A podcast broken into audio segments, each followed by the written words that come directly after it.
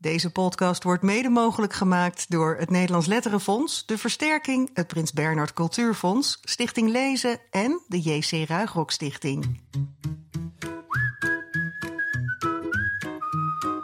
De Grote Vriendelijke Honderd. De favoriete kinderboeken aller tijden. Een productie van De Grote Vriendelijke Podcast. Met Jaap Frieso en Bas Maliepaard.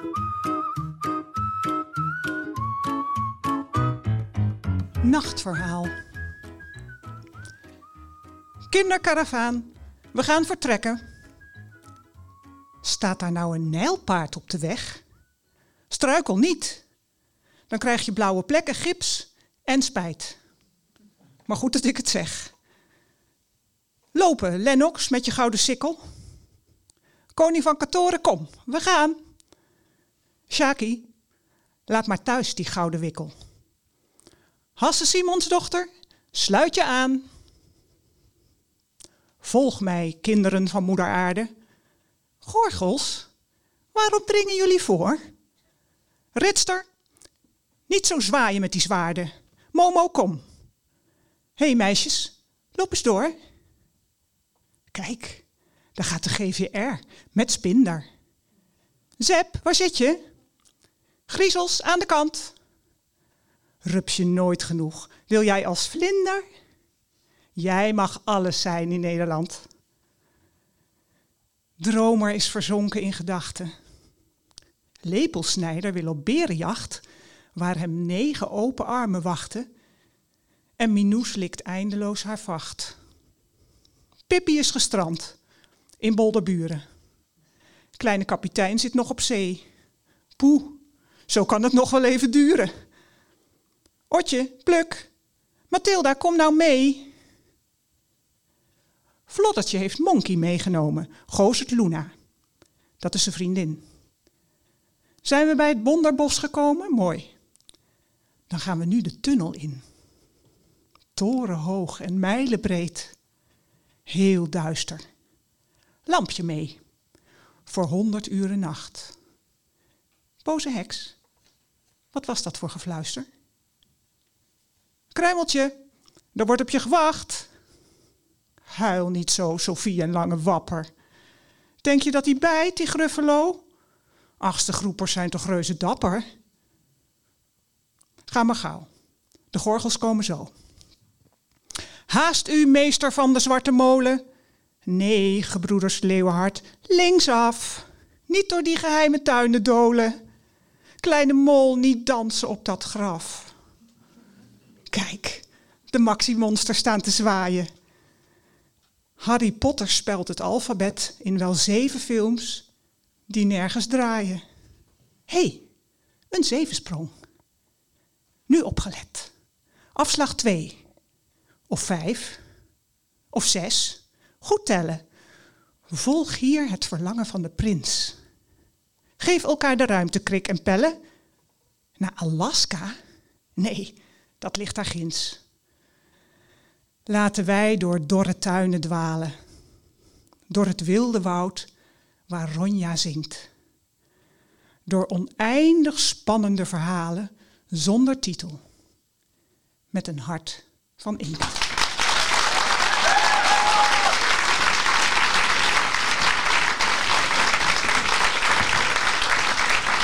Ja, jullie hoorden Bette Westra. Geweldig, Bette, dankjewel. Wat een uh, prachtig gedicht. En dit was het, dit is het begin van uh, deze speciale podcast rond de Grote Vriendelijke 100. Welkom allemaal hier in Theater de Liefde in Haarlem bij de Grote Vriendelijke Pakjesavond. We zitten hier op een podium gezellig tussen echt heel veel pakjes. ja, grote en kleine pakjes tussen kaarsjes en stapels met uh, boeken om ons heen. En ja, we zijn ontzettend blij dat jullie als publiek hier allemaal gekomen zijn, ondanks de coronamaatregelen en alle ellende die ons weer boven het hoofd hangt. Want ja, dit is gewoon echt een hele speciale aflevering van de Zeker GVP. Ja. ja. Het is niet zomaar een aflevering, kun je wel zeggen. Nee. Het is een, een, eigenlijk de finale van een project waar wij, nou ja, toch zeker wel maanden al naartoe hebben gewerkt. Eerst de hele tijd achter de schermen en de laatste twee maanden voor de schermen. Namelijk de verkiezing van de 100 favoriete kinderboeken aller tijden, editie 2021. Ja, in samenwerking met Hebban. Zeker, En uh, Hebban.nl. nou ja, daar hebben we ons met ontzettend veel plezier aan uh, gewerkt. Het was een beetje een experiment om te kijken of dat lukte. Of we een beetje konden concurreren met de top 2000. En dat, dat Is gaat helemaal gelukt. ja, natuurlijk helemaal eh, lukken. Ja, het is fantastisch om met zo'n gedicht af te trappen. Want ik, ik hoorde wel... Hoeveel titels hoorde jij voorbij komen, denk je? Ik heb mee zitten tellen, het waren er 69. Ja, maar nee, ik speel vals, want dat wist ik natuurlijk al. Wij hebben Bette Westra gevraagd. We hebben haar van tevoren de lijst toegestuurd. eh, gevraagd van, zou jij een soort... Ja, loflied of een soort gedicht hierover kunnen schrijven. En, eh, en toen kwam dit in onze mailbox Ja. met daarbij... ik heb er 69 kunnen verwerken. dus daar waren we super blij mee. Ja, nou ja, die, die titels komen allemaal weer terug. eh.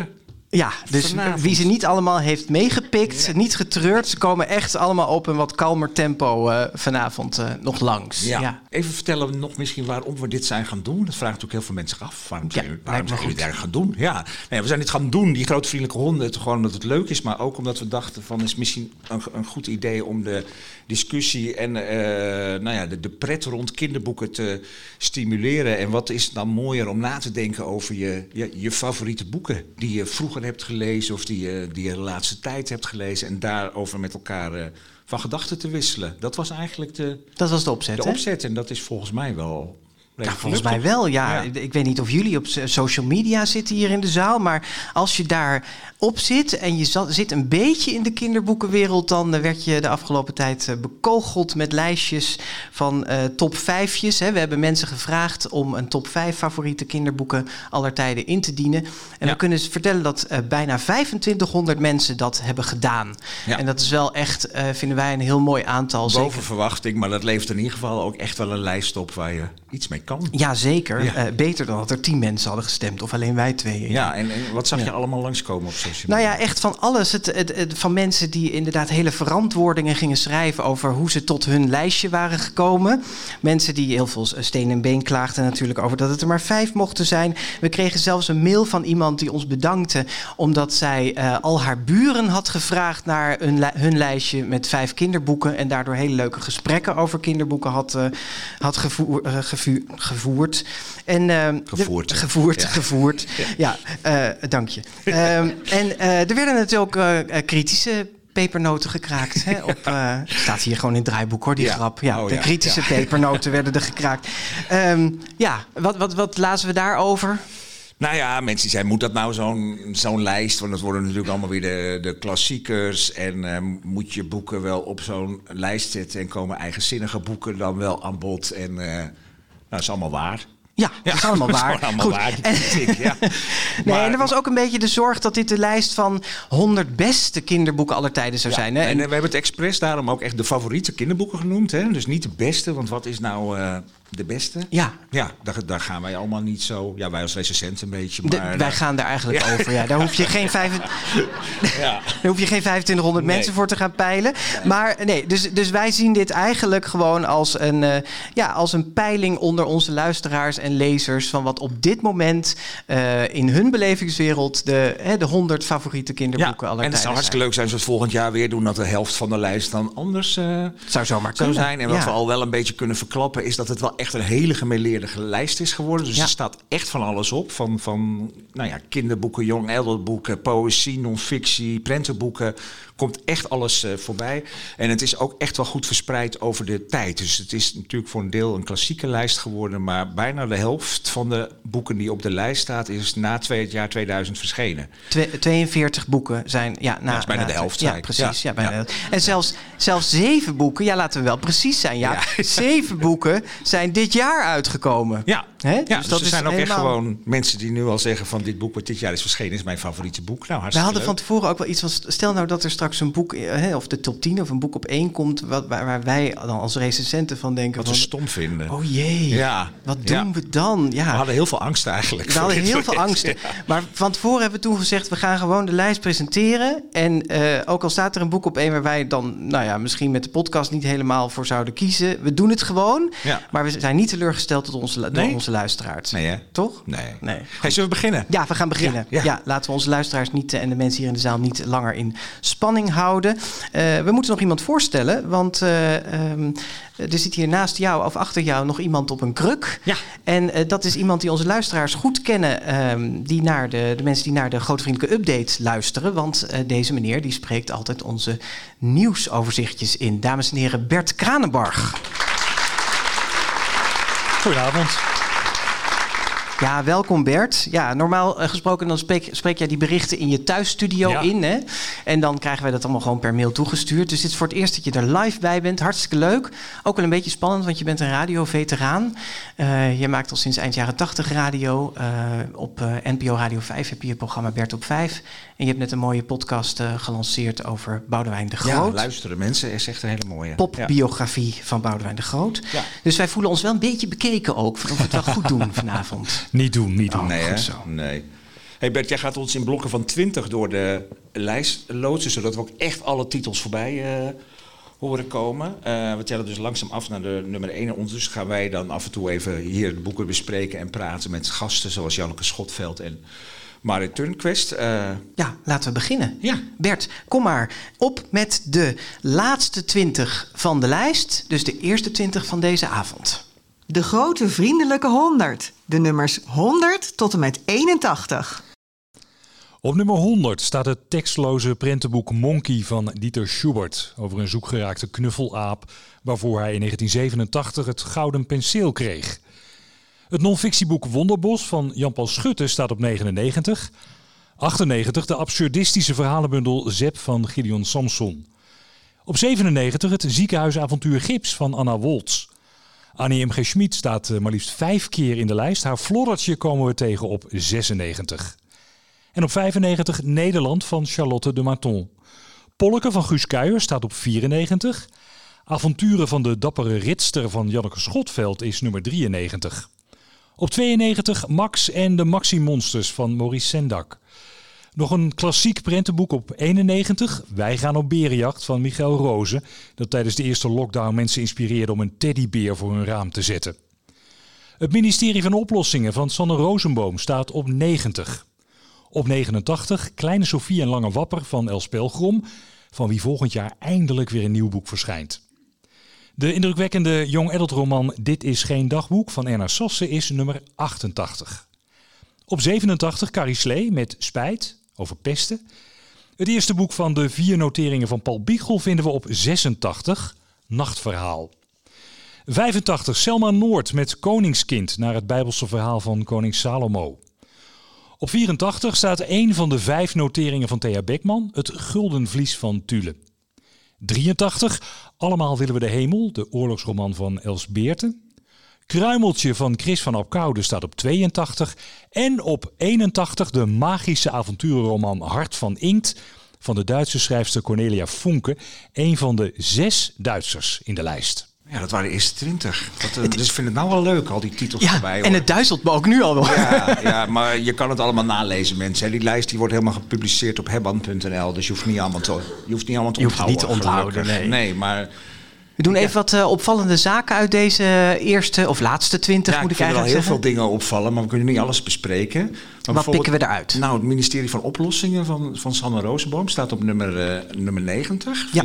ja, leuk dat dat erin staat. Het is echt een heel populair boek. En moet niet vergeten dat op deze lijst hè, de verkiezingen eigenlijk vooral volwassenen hebben gestemd. Hè? Niet zo kinderen. Dus dat is ook mooi dat die boeken die heel populair zijn bij kinderen... toch ook door volwassenen heel erg gewaardeerd uh, worden. En dit is een boek uh, waarvan al de 21ste druk is verschenen. En er zijn bijna 51.000 fysieke exemplaren van verkocht. En nog eens 6.000 e-books. En uh, nou, zijn plannen voor een tv-serie. En wat ik heel leuk vind aan dit boek is dat er onlangs... in de duizendste uitzending van het Radio 1-programma Spraakmakers hebben ze dit boek gebruikt omdat presentatrice Gilene Plag dit boek voorlas aan haar dochter. En op het idee kwam van moeten eigenlijk gewoon in deze rare tijd in Nederland niet echt een minister van oplossingen komen. Ja, want het boek gaat over een geheim genootschap eigenlijk, hè, die uh, uh, ja, problemen oplost in de wereld uh, zonder zich bekend te maken. Ja. Nou, Ja. en zo'n minister van oplossingen kunnen wij best goed gebruiken. Ja. Dus dat, Daar dus zijn dat ze nu naar, op aan, aan- naar aan het We zoeken. zijn op zoek naar ja. een minister van oplossingen. Ja, dus Ja. het is hartstikke, hartstikke leuk dat, eh, dat dat nog eh, eventjes eh, zo de actualiteit haalt. Zeg Ja. maar. Dat zo'n boek echt gebruikt wordt. Er zijn nog drie vervolgdelen eh, geschreven eh, door Sanne Rosenboom op deze serie. En eh, we hebben geïnformeerd waar het eh, volgende deel blijft. En Sanne Rosenboom die laat via haar uitgever weten, quote... Ik ben begonnen aan een vijfde en waarschijnlijk laatste deel van het ministerie van Oplossingen. Mijn plan is dat het boek er eind 2022 is, maar ik kan het natuurlijk niet garanderen. Het afgelopen jaar heb ik gewerkt aan een heel ander verhaal. Mot en de metaalvissers, een losstaand boek dat in april uitkomt. Oké. Een ander Ja. boek wat me opviel is eh, het, het oudste Nederlandse boek op deze lijst. Het is niet het alleroudste boek op de lijst, maar het alleroudste Nederlandse boek op de lijst. Hebben jullie vast wel voorbij horen komen? Geen Dick Trom, Nee. geen Pietje Bel, geen Chameleon. Maar wel Kruimeltje. Kruimeltje. Ja, Ja. Kruimeltje staat op eh, 82 en dat is uit 1923. Zo, ja, dat is Ja. oud hè? Ja, en, en wij hebben natuurlijk van tevoren het over gehad van waarom, waarom nou juist dit boek van al die oude boeken die ik net noemde. En we kwamen er toch op uit, ja, dit is dan zo'n boek wat je helemaal diep in je hart raakt. Hè? Het is Ja. natuurlijk echt een, eh, een, een drama.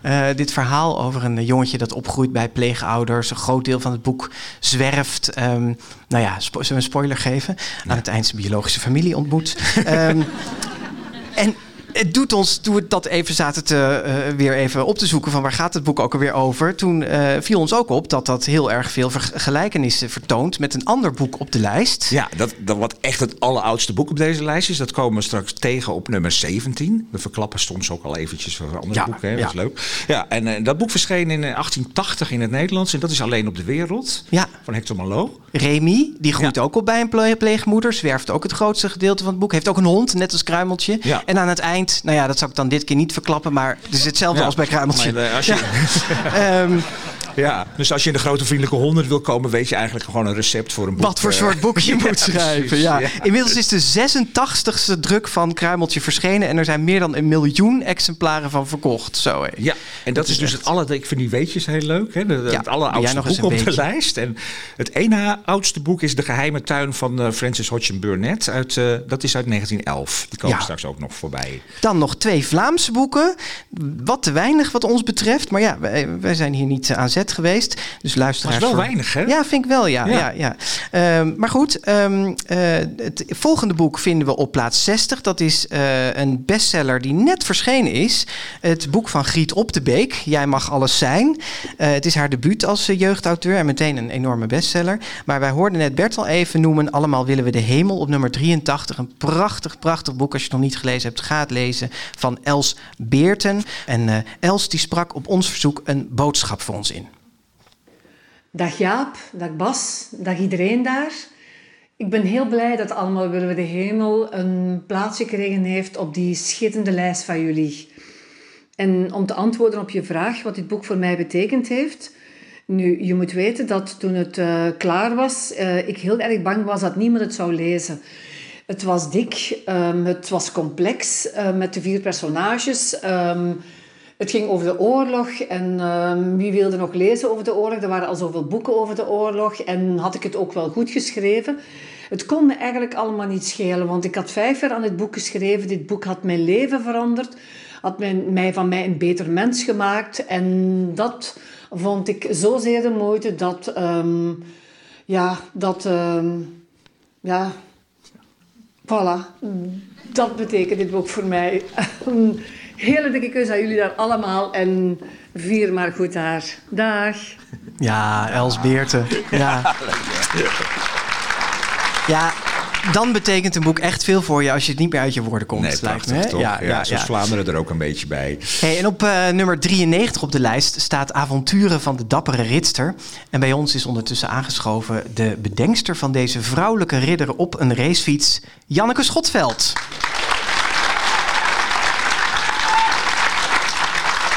Nou, Janneke, je hebt eh, veel meer bekende boeken geschreven, hè? zoals de serie over Superjuffie en, en de sprookjesboeken zoals De Kikkerbilletjes van de Koning. Ben je nou juist blij dat die, die ritster in de top 100 is terechtgekomen? Ehm, nou, die andere was ook goed geweest. Eh, ja. nee, ik vind het wel heel leuk dat het een ritster is. Ik hou wel extra van de Ja, ritster. waarom Ja. zou juist die ritster het gered hebben? Of zit dat een beetje in haar karakter? Ehm, Ze heeft superjufje gewoon opzij gedouwd Eigenlijk natuurlijk. wel. Ze heeft met haar zwaard gezwaaid en is haar voorbij gefietst. Ja. Ja, Maar is misschien heeft het ook wel iets mee te maken. dat Dit boek heeft ook wel een beetje een boost gekregen de laatste tijd door, door je inmiddels grote vriend Stef Bos. Dat is het Ja. natuurlijk. Vertel eens, hoe is, hoe, is, hoe is dat gegaan? Eh, nou, die heeft eh, bij Matthijs Draait Door, Matthijs Draait Door heette dat? Ja. Ja. Heeft hij een ode gehouden aan de jeugdliteratuur. Nou, En, Matthijs eh, gaat door, maar Matthijs gaat uit. door, zie je, Ja. dat was het. Hij is ook een beetje doorgedraaid Ja. misschien, maar nee, hij gaat door. Ehm, en ehm, nou ja, toen heeft hij ook de ritster wel... eh, Ja, want hij heeft, hij, heeft hem ook, hij heeft de ritster ook nog op het schild gehezen in onze aflevering met Stef Bos rondom de grote vriendelijke 100. Hè? Daar heeft hij hem getipt, dus eh, wie weet heeft het geholpen. Maar ehm, ja, we, we zijn wel heel erg benieuwd naar eh, dat personage. Voor de mensen die het nog niet kennen, zou jij het eerste Ja. stukje willen voorlezen waarin je eigenlijk eh, de ritster even introduceert? en hoe je ook kunt zien, al heel jong, of iemand een ritster is. Nou, dat is handig. Ja. Ja. Oké. Als baby was ze al anders. Ze keek zo helder en onverschrokken uit haar ogen dat sommige bezoekers terugdeinsden als ze zich over haar wieg bogen. Ze kwam al op voor de zwakkere voor ze kon praten. Ze was nog maar een dreumes toen ze haar buurjongetje resoluut met een schep op zijn kop sloeg, omdat hij voortdurend zijn zusje pestte. Zijwieltjes weigerde ze. Na vier keer vallen kon ze fietsen. Zwemles heeft ze nooit gehad. Ze redde al kevers uit het water voor ze kon zwemmen. Ja, het was al vroeg duidelijk.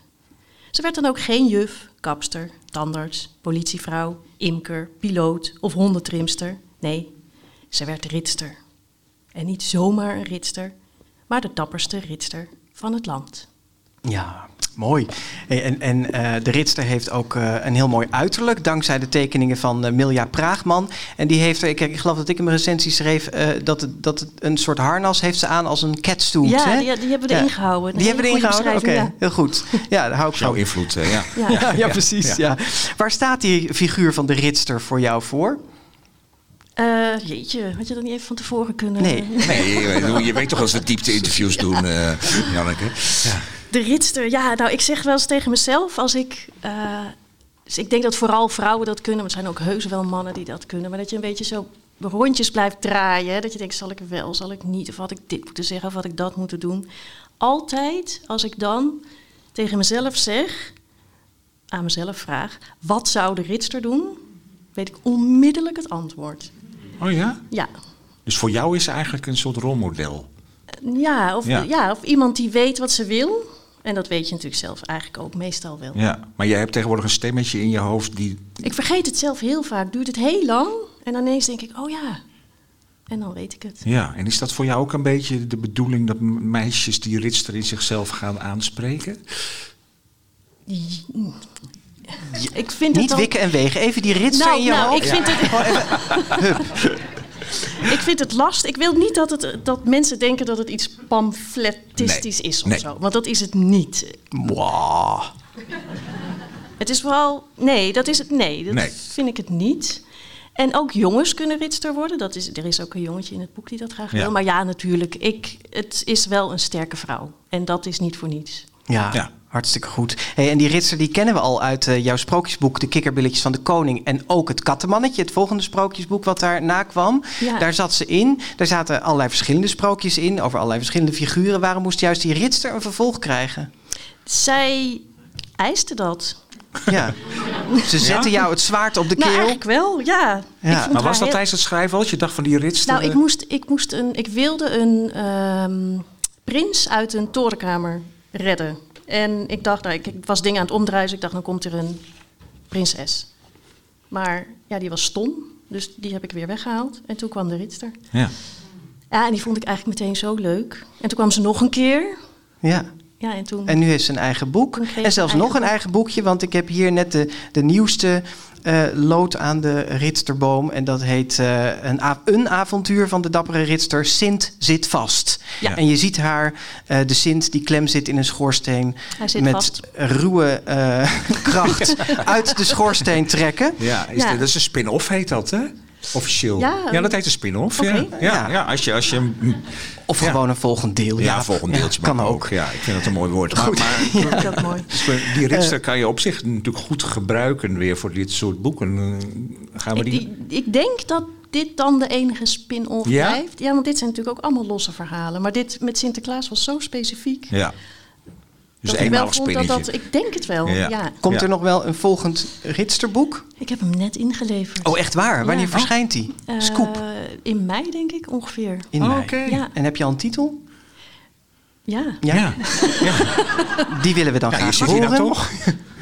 oké. Ja. Nou, meer avonturen van de dappere ritster. Applaus, dames en heren. Dankjewel, is Janneke Schotveld. Werkelijk Ja. heel inventief. Hoe kom je erop? Ja, dat is echt wel... Ja. Hartstikke goed. Ja, nou ja, misschien volgend jaar in de, in de Grote. Wie Meer weet. avonturen van de Ja. dappere Meer avonturen, ja. Ja. Eh, Janneke Schotveld, dames en heren, dankjewel. Ja.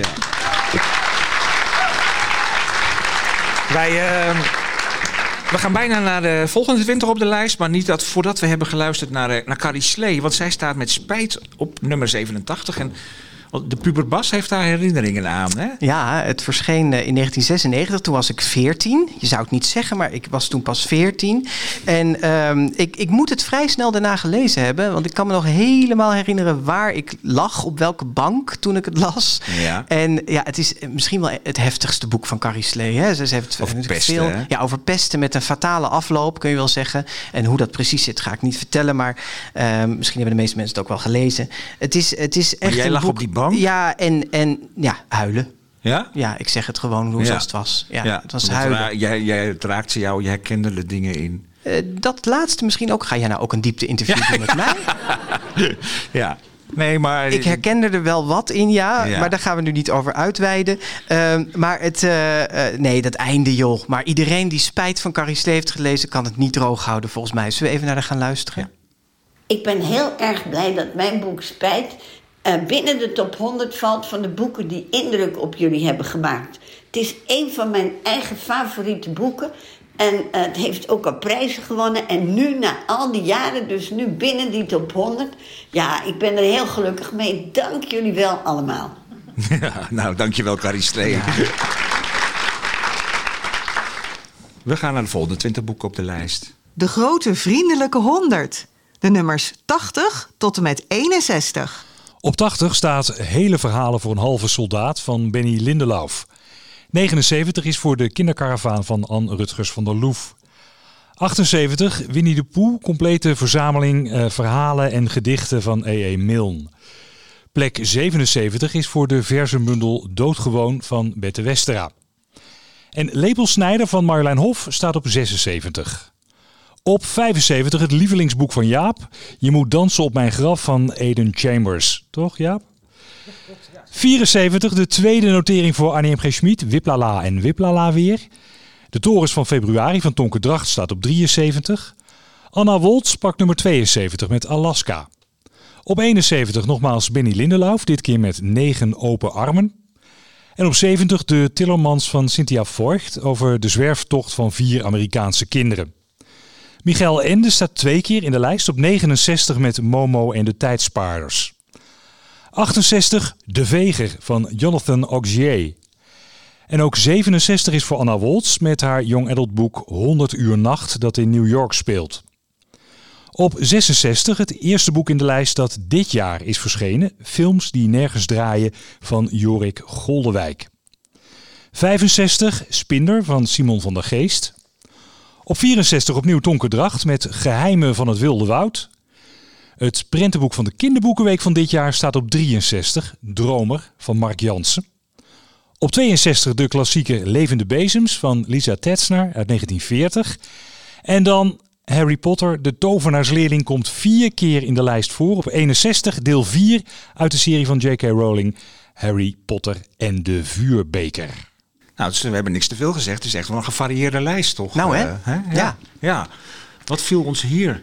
Ja, we pikken er weer even een paar dingen uit. Ja. Hè? Jij eh, eh, begon te gloeien bij de kinderkaravaan van Anne Rutgers van der Loef. Ja, nou vooral omdat ik het verhaal eromheen zo mooi vind. hè. Het is een boek al uit eh, 1949, wat zich een eeuw eerder afspeelt, in 1848. En ze heeft dat verhaal geschreven over zeven weeskinderen van een familie Seger of Sager. Eh, en, en zij heeft dat gebaseerd op een krantenbericht wat ze toegestuurd gekregen uit, eh, uit Zwitserland, uit de Zwitserse krant. En dat boek is altijd neergezet als een waar gebeurd verhaal. Hè? Die kinderen zouden, dat zijn zeven kinderen en uh, de, de, de, ouders zouden zijn overleden. En die kinderen hebben dan een hele tocht door Amerika uh, gemaakt. En uh, nou ja, dat is altijd neergezet als dat dat echt gebeurd zou zijn. En in de eerste 27 edities staat ook op dat boek: het is een waar gebeurd verhaal. Maar bij de 28e editie staat dat er niet meer op. Want het bleek eigenlijk helemaal geen waar gebeurd uh, verhaal. En dat heeft op een gegeven moment een journalist. Uh, die is daarin gaan duiken. En die heeft ontdekt dat, uh, nou ja, dat, dat, dat dat niet zo was. Dat ze wel degelijk met volwassenen. Ze hebben die reis wel gemaakt. Maar daar zijn wel steeds volwassenen bij, bij geweest. Dus bij de 28e editie is dat gecorrigeerd. Er staat er niet meer een waar gebeurd verhaal op. Maar geromantiseerde ja, versie. Dat vind ik ja. zelf heel grappig. Ja, echt wel grappig. En ook wel grappig omdat Rutgers van der Loef dat wel eigenlijk al heel lang wist. Dus ze heeft het boek in 1948 geschreven, maar uit de correspondentie die zegt voor blijkt dat ze in 1960 al wist dat, dat dat boek niet waar gebeurd is. Maar ze heeft het op al die drukken gewoon laten zetten. Ja, dat vind ik geestig. Ja, vind ik ook, ja. Maar waar gebeurt verkoop misschien beter? Ja, zou, zou kunnen, ja. Hey, en dan eh, eh, twee boeken in, de, in dit blok van 20 die best aan elkaar verwant zijn. Namelijk Levende Bezems van Lisa Tetzner. Wat mij vroeger volgens mij door mijn meester is voorgelezen. Ja, echt klas. klassieker. Hè? Ja, over eh, schoorsteenvegers hè, gaat dat. En eh, dan staat er ook op 68 De Veger. En Ja. dat is pas net verschenen. Eh, wanneer eigenlijk? Ja, Staat er twee jaar staat geleden niet bij. denk ik of zo. Twee Ja, jaar echt wel een mooi boek. Het, heeft me, het, staat, het verrast me best dat dat in deze lijst staat. Maar het is echt zo'n boek, Ja. als je dat nog niet kent... en dat kun je echt uit deze lijst pikken om dan te gaan, eh, te gaan Ja, lezen. maar ja. de verwantschap is dus de schoorsteenvegers. Hè? Want die, het, is in veel recensies ook met elkaar vergeleken om die reden. Eh, de veger heeft wel iets meer een magische twist aan het verhaal. Ehm, maar het zijn allebei fijne boeken. En dat zette ons eigenlijk een beetje ehm, eh, op het spoor van de beroepen. Daar ging de kinderboekenweek afgelopen kinderboekenweek ja, er staan, over. En er staan best een heleboel beroepen in deze Ja, lijst. en, en zelfs het prentenboek van de Kinderboekenweek heeft de lijst gehaald. Hè. Zo zie je maar dat mensen dus ook uit een hele eh, korte termijn geheugen... uit wat vers indruk heeft gemaakt, hebben gestemd. En dat ging over eh, Aaron, die niet weet wat hij later worden wil. Maar ik ben ook wel benieuwd, staan er nog meer beroepen in de lijst? Ja, er komen natuurlijk heel veel schoolmeesters en juffen in voor. Maar ook de directeur van een chocoladefabriek. Daar verklappen we iets mee. Ja, welk boek zou dat nou zijn? Ja. Een bioscoop-eigenaar, er komen eh, artsen en verpleegkundigen in voor. Een, een vuurtorenwachter, een kapitein, een molenaar, een journalist en meerdere koningen. Ja, En is, is heks eigenlijk een beroep? weet ik niet, maar Nee, komt drie keer voor, beroep, geloof ik. Ja, er staan, Ja. er staan drie, in drie titels komt het woord Ja, heks. eh, precies. ja. En die kapitein die is wat klein van stuk, geloof ik. Hè? Maar dat, nou ja. Ehm, ja. We hebben eh, rond deze verkiezing een aantal extra podcasts gemaakt. Zoals ik er straks ook al zei. Met Jonica Smeets, Abdelkader Benali, Bab Schons, Frits Spits en Stef Bos. En die hebben ook allemaal een lijstje met vijf favoriete kinderboeken ingediend. Eh, we trapten af met onze eigen lijstjes. Ja. Hoeveel daarvan, Jaap, hebben de grote vriendelijke Ja, honderd dit is mijn favoriete momentje in deze podcast. Ja. Want drie boeken van mij hebben de top 100 gehaald en twee boeken van jou. ja, en eh, Frits Spits, eh, eh, er staan ook drie boeken van zijn lijstje in, Ja. in de grote lijst. En, De rest evenveel als ik, hè? Twee. Ja, twee Ja. of minder, zeg Ja, maar. ja, goed. Wat, mag ik dan zeggen wat ik het ergste vind? Welk boek er niet in staat? Ja, doe dat. Ja, van mijn lijstje, ik had Winterijs van Peter van Gestel Ja.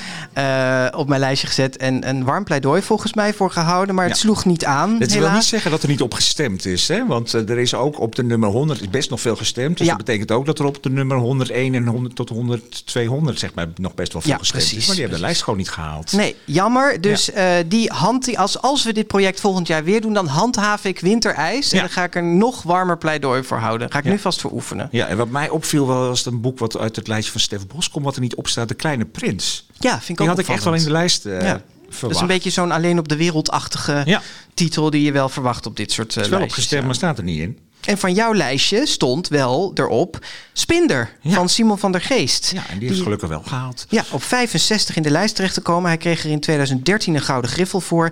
En we vroegen hem ook even wat hij van die notering vond. Een plek in de grote vriendelijke honderd. Wat een eer. Eh, ja, Spinder is nog steeds een heel belangrijk boek in mijn oeuvre. En ik kan me nog herinneren dat ik tijdens het schrijven nog heel erg aan het zoeken was. En best wel nerveus, ook omdat ik net mijn eerste gouden griffel had gewonnen. Ik kwam eigenlijk net pas kijken. Eh, en eh, ik, ik voelde echt al de hete adem van de recensenten in mijn nek.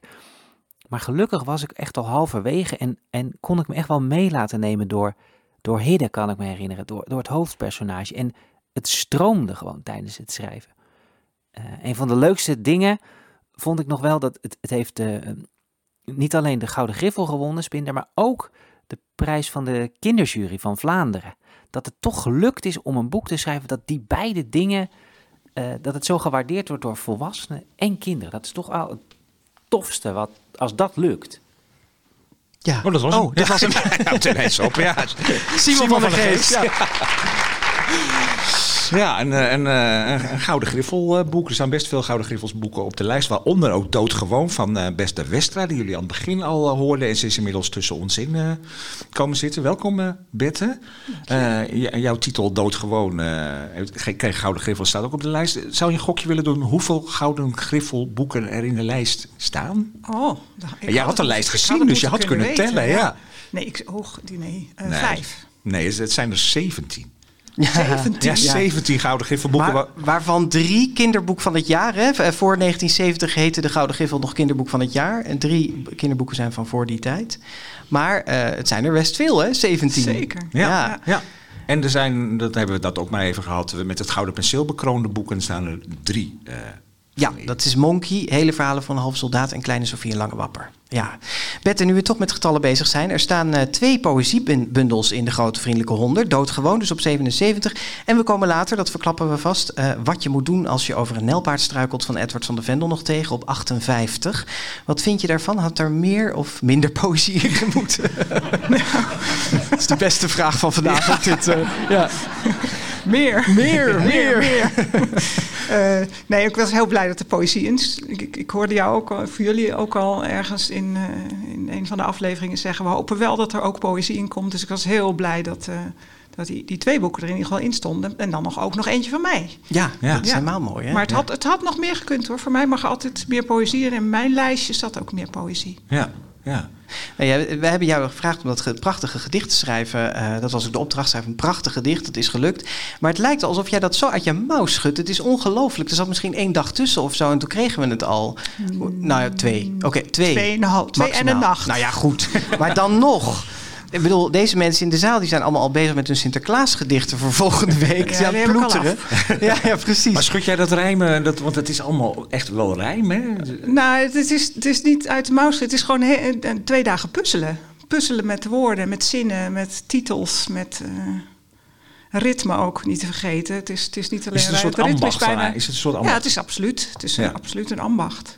En ik hou heel erg van puzzelen en ik hou van taal. Dus als ik dan zo'n vraag krijg, schuif ik alles even aan de kant. maar dat moest ook, want het moest heel snel af. Ja, ja, leuk. Ja. Ja. Maar je vindt dit ook, Ja. dit, dit vind je echt een uit, vind je ook leuk om te doen? Dit soort Ja, als ik, eh, als ik eenmaal weet wat ik ga doen, vind ik het leuk om te doen. Het lastigste is om te beginnen. Maar als ik dan het idee heb, dan kan ik ook niet meer stoppen. Ja. En dit, er zit heel veel rijm in. En dat Mhm. zit sowieso veel in jouw vers. Is dat een beetje de basis van de manier waarop jij poëzie eh, schrijft? Nou, het begint toch eigenlijk altijd met een ritme hoor. En dan, eh, dan, Ritme is belangrijker dan ritme is rijm. eigenlijk belangrijker dan het rijm. En dat rijm, soms dan denk ik, laat ik nou eens een keer niet rijmen. Hè? Een mooi ritme is toch genoeg? En wat is ritme? Nou, een, een mooie cadans. Een mooie, En dan lees je het dus hardop voor. ja, dat lees ik uit, ook hardop voor. Maar het- Ja. ik, bij mij gaat het vanzelf. Ik kan bijna niet anders. En dat rijm, dat voezelt er dan toch in. Ja. Ja, we hebben het er al eens eerder over gehad. Hè. We hebben een aflevering met jou gemaakt en met Sylvia Weven, de illustrator die ook Doodgewoon heeft geïllustreerd over Uit elkaar. Het boek met eh, gedichten over de voorbije liefde. En eh, daar, daar verweten we jou toen ook bijna van, je bent zo vormvast, moet je niet eens wat anders.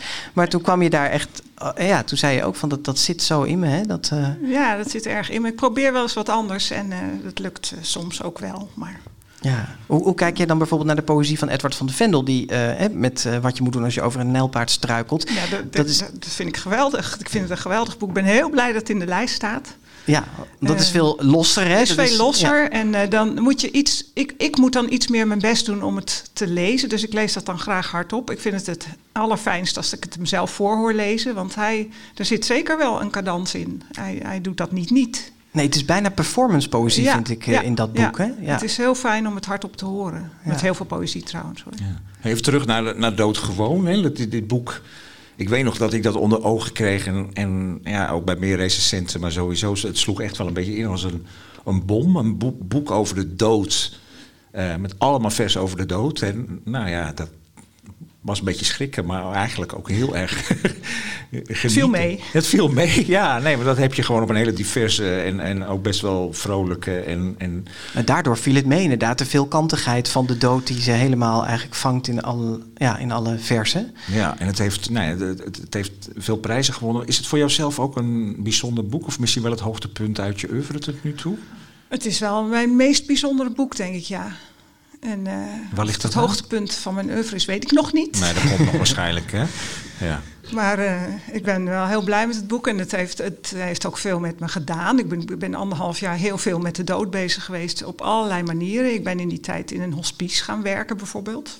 Niet omdat ik dacht dat het moest voor het boek, maar omdat, ik, omdat het op mijn pad kwam en ik was er zo mee bezig. Dat ik dacht, god, dat is mooi werk. Ik ga daar koken voor mensen die weten dat ze bijna doodgaan. En eh, zonder dat boek had ik dat vast niet gedaan. En ik ben wel een hele ervaring rijker geworden door dat twee jaar lang te doen. Ja, mooi. En krijg je nog steeds... Oh, sorry. Nee, eh, Nou ja, ik was benieuwd, want dit is een boek wat heel, denk ik, nog heel lang meegaat. Omdat het gewoon heel bruikbaar is ook. Hè? Dat Mhm. mensen daar gewoon inspiratie uit kunnen opdoen. Maar ook als er ergens dood speelt in de omgeving, daarin kunnen gaan lezen of een vers uitzoeken voor de uitvaart. Krijg je daar nog steeds veel reacties? Ja, ik had in, in de kinderboekenweek nog eh, een, een moeder met twee kinderen die kwamen me bedanken voor het eh, gedicht over oma Els. Want zij hadden een oma Els. En toen oma Els doodging, hebben ze het gedicht alsmaar gelezen. En dat is dan zo fijn om eh, te horen. En zeker als het eh, in levende lijven is, is het toch nog mooier dan een mailtje. Ja. ja. Ja. Hey, we zaten vanavond niet te wachten op een grafstemming. Dus we hebben jou gevraagd om drie eh, gedichten, twee, drie gedichten, we kijken even waar we uitkomen, uit te zoeken met een beetje een lichte toets. Dit was echt een spontane grap, hè? Dit, deze, was, deze was niet gescript. Nee, deze was niet gescript. Goed. Ehm, dus eh, jij gaat voorlezen als eerste Vaas.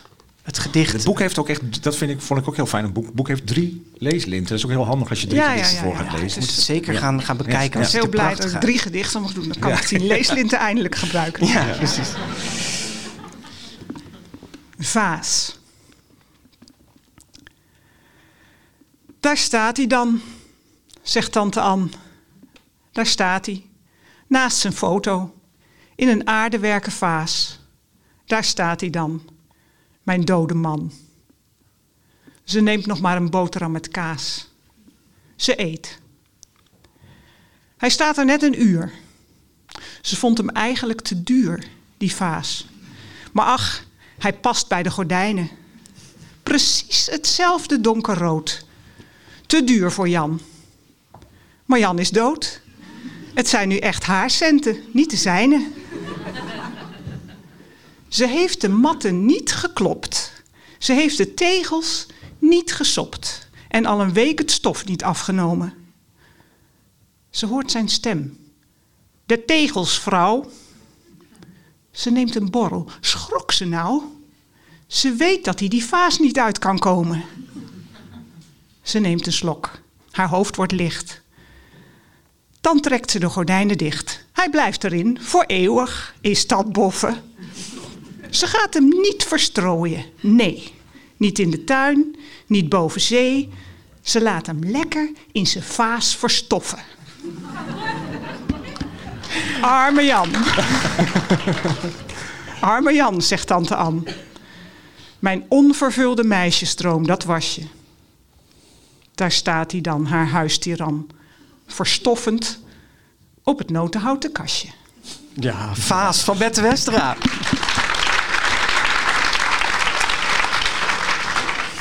We doen ze gewoon alle drie, vind je niet? Ja hoor, nee, het is leuk. Ja. Dan gaan we Leuk. naar Hein. Die dood Ja. is zo leuk Die eigenlijk. dood is zo leuk, we gaan nog even door. Dan gaan we Ja. naar het blauwe lintje. Ja. Ja. Hein. Niet ver van ons pleintje woont magere Hein, die dol is op tikkertje spelen. En altijd en eeuwig wil Heintje hem zijn. Alsof het hem nooit gaat vervelen. Ik ren voor hem uit als een angstig konijn. Hij zwaait met zijn zeis om mijn oren. Mijn adem raakt op en mijn benen doen pijn. Ik kan hem niet zien, maar wel horen. Hij haalt me niet in, maar hij houdt me wel bij. Ik ren voor mijn leven. Hij komt dichterbij. Mijn kuil staat uitnodigend open. Dan heb ik genoeg van het lopen. Ik kijk in de ogen van magere Hein. Hij heeft me. Het kan me niet schelen. Ik geef me gewonnen. Die zeis voelt best fijn. Dag Heintje. Bedankt voor het spelen. Hein. Nog een, uh, een korte tot slot. Ja? Hele korte. Hele korte, goed zo. Een grafschrift. Hier lig ik dan, begraven in een grazig stukje groen. En denk wat ik altijd al dacht. De dood is goed te doen. Dankjewel, Bette Westra. Ja, prachtig. Ja. Wil jij het op je grafsteen hebben, dit uh, De dood is goed te doen. De Nou, dood is ik vind goed het te wel doen. Ik vind het wel mooi, eh, Ja. ik vind het Ja. wel een mooi opschrift. Zullen we naar de volgende twintig? We gaan naar de volgende 20. Bert Kranenbarg. De grote vriendelijke 100. De nummers 60 tot en met 41. Met op 60 het kinderboekendebuut van bestsellerschrijfster Griet Op de Beek werd al even genoemd. Jij mag alles zijn dat dit jaar verscheen. 59 het eerste deel in de magische serie Nevermore, Morgan Crow en het wondergenootschap van Jessica Townsend. De tweede dichtbundel in de lijst staat op 58, werd al genoemd, Wat je moet doen als je over een nijlpaard struikelt van Edward van de Vendel. Op 57 alle verhalen van Kikker en Pat van Arnold Lobel. De young adult roman Ik geef je de zon van Jenny Nelson staat op 56. En op 55 nog een young adult titel. De Groene Bloem trilogie van Floortje Zwichtman. Ruim 1600 pagina's over de wereld van Adrian Mayfield en Oscar Wilde. Daar is ze weer, ook op 54 Anna Woltz. Dit keer met De Tunnel, haar meest recente boek. 53 is voor Luna van Pieter Kolwijk. En ik zeg vast niks gek als ik eh, verklap dat we die nog een keer gaan tegenkomen. Roald Dahl, zijn naam kom je het vaakst eh, tegen in deze lijst op 52 met Daantje de wereldkampioen. 51 Otje van Annie M. G. Schmid. En dan zijn we op de helft op 50 weer een boek van dit jaar. De meisjes van Annette Schaap. De kinderen van Bolderburen van Astrid Lindgren staat op 49. De griezels van Roald Dahl op 48. En op 47 Rupsje Nooit Genoeg van Eric Carle, die in mei van dit jaar overleed. Op 46 de zweetvoetenman van Annette Huizing, dat als ondertitel heeft over rechtszaken en regels en een hoop gedoe. Minus van Annie M. G. Staat op 45. Op 44 de Engelse klassieker De Geheime Tuin van Francis Hodgson Burnett uit 1911. Twee jaar geleden verscheen er een nieuwe Nederlandse vertaling van Imme Dros. Zonder titel is het tweede boek van Erna Sassen in de lijst, staat op 43. De voorleesklassieker over een kleine mol die wil weten wie er op zijn ko- kop gepoept heeft van eh, Werner Holtzwart staat op eh, 42. Dat is de langste titel uit deze lijst. Dus dat is over een kleine mol die wil weten wie er op zijn kop gepoept heeft.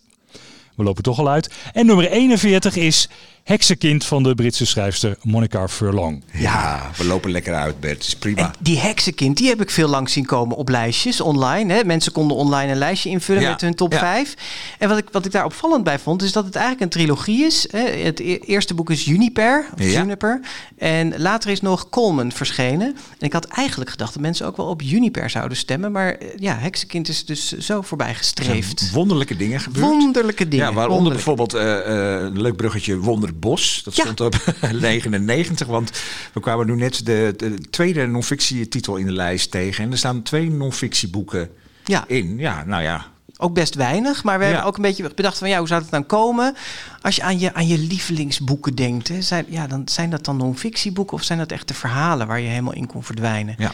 Ik Nou, denk dat dat een beetje weet ik heeft het wel een beetje. Ja, en dan is toch weer bijzonder dat er wel twee non-fictieboeken op staan. Waaronder dus de, de Zweetvoetenman, een, eh, een bijzonder eh, boek over, eh, over recht. We bespraken het al. In, Ja. Ik had het geloof ik op, ik had het Ja, op mijn het op je zie je lijstje. wel? Ja, ik, ik, denk wel mijn favoriete Ja, boek aan een non-fictieboek. Ja. Ja. Nee, we vroegen aan de auteur Annette Huizing om er ook een boodschap voor ons over in te spreken. Voor alle leeftijden. Dat had ik nogal overmoedig op de achterkant van de zweetvoeterman laten zetten. Ik was enorm verrast dat het boek ook echt door mensen van alle leeftijden wordt gelezen. Een meisje van acht sliep met de zweetvoeterman onder haar kussen. Ik kreeg mailtjes en telefoontjes van rechters. Een advocaat beklaagde zich erover dat hij niet met naam en toenaam genoemd werd in het boek, en een collega wel. Studenten gebruiken het boek in hun opleiding. Op middelbare scholen wordt het gebruikt in lessen maatschappijleer en op de PABO is de zweetvoeterman kind aan huis. Mijn doel, dat iedereen in Nederland weet wat een rechtsstaat is, heb ik nog niet helemaal bereikt, geloof ik. Maar tot nu toe ben ik dik tevreden. Ja, dat was uh, Annette Huizing. Ja, leuk boek. Ga het zeker lezen. Het is echt uh, super Ook weer zo prachtig vormgegeven, net als Doodgewoon. Dat, ja. dat is maar gewoon Westerman, ook even noemen, de illustrator en vormgeefster. Ja, en dan uh, uh, was het eerste uh, Roald Dahl boek wat we tegenkwamen. op 52, Daantje de wereldkampioen. En dat is bijzonder, omdat hij maar liefst zes keer in de lijst staat. Oeh, ja. Hierna dus nog vijf keer. Ja, er gaat een siddering door de zaal. Er want... gaat een siddering door de zaal, maar dat, dat gaan we zo uitleggen waar die uh, siddering vandaan komt. Uh, zes keer stond, staat hij in de lijst, maar er staan nog een aantal auteurs uh, vaker, vaker in, in. Ja, maar dan ja. iets minder vaak dan Roald Dahl. er staan drie auteurs vijf keer in en dat zijn alle drie Nederlanders. Annie ja. M.G. Smit, Thea Beckman en Tonke Dracht. er staan ook drie auteurs vier keer in. Dat is J.K. Rowling, Astrid Lindgren en Anna Woltz. Ja, ja, geweldig hè? Maar Daal is dus uh, nou ja, de koploper, zeg maar. Waarom zou dat ja. zijn? Waarom scoort hij zo goed? Ja. Ja, de, het zal voor een deel nostalgie zijn. Hè, dat mensen de boeken echt gewoon goed uit hun jeugd kennen. Maar ja, waarom ze de tand des tijds ook zo goed doorstaan. Ik, ik ben de laatste tijd, dat heb ik al een paar keer gezegd in de podcast... Uh, weer veel van Daal ook aan het voorlezen. En ik merk toch wel dat ja, de combinatie tussen een beetje net een beetje gemeen, een beetje gruwelijk en een beetje gemeen en daarnaast grappig. Je gaat er ook zo bij kijken. Ja, dat, ja, ja, dat ja. is fijn dat je dit even beschrijft voor, de, voor de luisteraar. Uh, de, die, die combinatie is toch wel heel erg goed gedaan. En dat kom je toch, ja, er zijn veel mensen die Daal na proberen te doen. Hè. Er staat ook op honderdduizend boeken die per jaar verschijnen, dat altijd voor de liefhebbers van Roald Dahl. Dat is misschien wel een van de meest sleetse aanprijzingsquotes. Ja, tegenwoordig ook heel veel J.K. Rowling, maar ja, ook precies, Daal. Ja. Daal. Maar zijn er weinig die dat echt zo kunnen zoals hij. Dus ja. ik, ik, denk dat het daar een beetje in zit. Ja, en we hebben natuurlijk de podcast naar een boek van hem genoemd. Dat zal ook. Ja, dus heel blij dat, uh, dat hij er sowieso ja. uh, goed op staat. Jij hebt uh, de, de vertaalster Huberte Friesendorp. Die hadden we eigenlijk vanavond er graag bij gehad, maar die is toch te oud om te komen. Maar jij hebt haar ooit geïnterviewd? Ja, zij is 81 inmiddels. Ik heb haar geïnterviewd toen ik 17 of 18 was en voor de Lemniskaatkrant schreef. En toen mocht ik bij haar op bezoek. En wonder boven wonder vond ik het interview nog op mijn computer ergens in een krocht. Ja. En uh, ik heb het vanmiddag even zitten lezen. En ze zegt wel hele leuke dingen over dat vertalen van Daal. Uh, onder andere dat zij ervoor heeft gekozen om Charlie and the Chocolate Factory... om dat te vertalen naar Shaki en de chocoladefabriek. Dus niet de oorspronkelijke naam te handhaven. Omdat in die tijd de naam Charlie nog helemaal niet uh, gangbaar was in Nederland. Hè? Dus Nederlandse kinderen die kenden die naam eigenlijk niet goed. En daarom uh, heeft ze toen besloten om dat te, ver uh, te, veranderen. Op het moment dat ik haar sprak, zei ze al... nu zou ik dat al anders doen. Dus dat zou nu in 2021 ja. al helemaal anders ja, zijn. En ze had ook een leuk verhaal over de grote vriendelijke reus. Hè? Want daar had ze zelf een idee bij. En ze heeft toen Roald Dahl ontmoet. En toen stelde ze voor om dat boek zich eigenlijk in Nederland af te laten spelen. Ja, dat had ze beter niet kunnen zeggen. nee, had ze, ze zei ook, dat was niet zo'n hele leuke ontmoeting. Ze vond een chagrijnig oude man. Uh, maar uh, ja, het, het, verhaal gaat over uh, Sophie en die woont in Engeland. En ze gaan aan het eind, de, de GVR en Sophie gaan naar de Britse koningin. Ja. En het leek Hubert de Vriesendorp nou zo leuk om dat verhaal naar Nederland te verplaatsen. En dat Sophie dan bij de Nederlandse koningin op bezoek gaat. Controle, nou, niet zo'n goed idee. Hij had daar aangekeken van wat doet dat mens met mijn boeken. Ja, dat was echt een beetje hoe hij keek. Dus dat heeft ze, eh, eh, heeft ze niet doorgevoerd Nee. uiteindelijk. Hey, maar we gaan even naar die siddering in de zaal. Want wij hebben eh, daar iets leuks aan verbonden. Om dat te vieren dat Roald Dahl er zes keer in staat. Maar ook om te vieren dat wij bekend kunnen maken... dat wij een, een nieuwe sponsor hebben voor de Grote Vriendelijke Podcast. En dat is De Nederlandse Boekenbon. de Nederlandse Boekenbon. Ja, Ja. die gaat ons vanaf nu... Ja, mag, mag voor geapplaudiseerd worden. Er staat ook een prachtige blow-up van de Nederlandse Boekenbon. En, en Boekenbon in het groot. Ja, en dat is natuurlijk hartstikke leuk, want zij sponsoren ons financieel. Maar dat betekent ook, want dat mag van de boekenbon dan, dat we heel vaak boekenbonnen kunnen weggeven. Ja. Hoe leuk is dat? En dat gaan we nu doen, want we hebben bij binnenkomst aan iedereen hier in de zaal gevraagd om eh, te gokken hoe vaak staat Roald Dahl in de lijst. Die briefjes die heeft, heeft iemand van onze vrijwilligers geselecteerd. Dus ik heb hier een doosje waar alleen goede antwoorden in zitten. Ik ga vijf briefjes trekken. We hebben tien boekenbonnen weggegeven, vijf voor onze luisteraars en vijf voor hier in de zaal.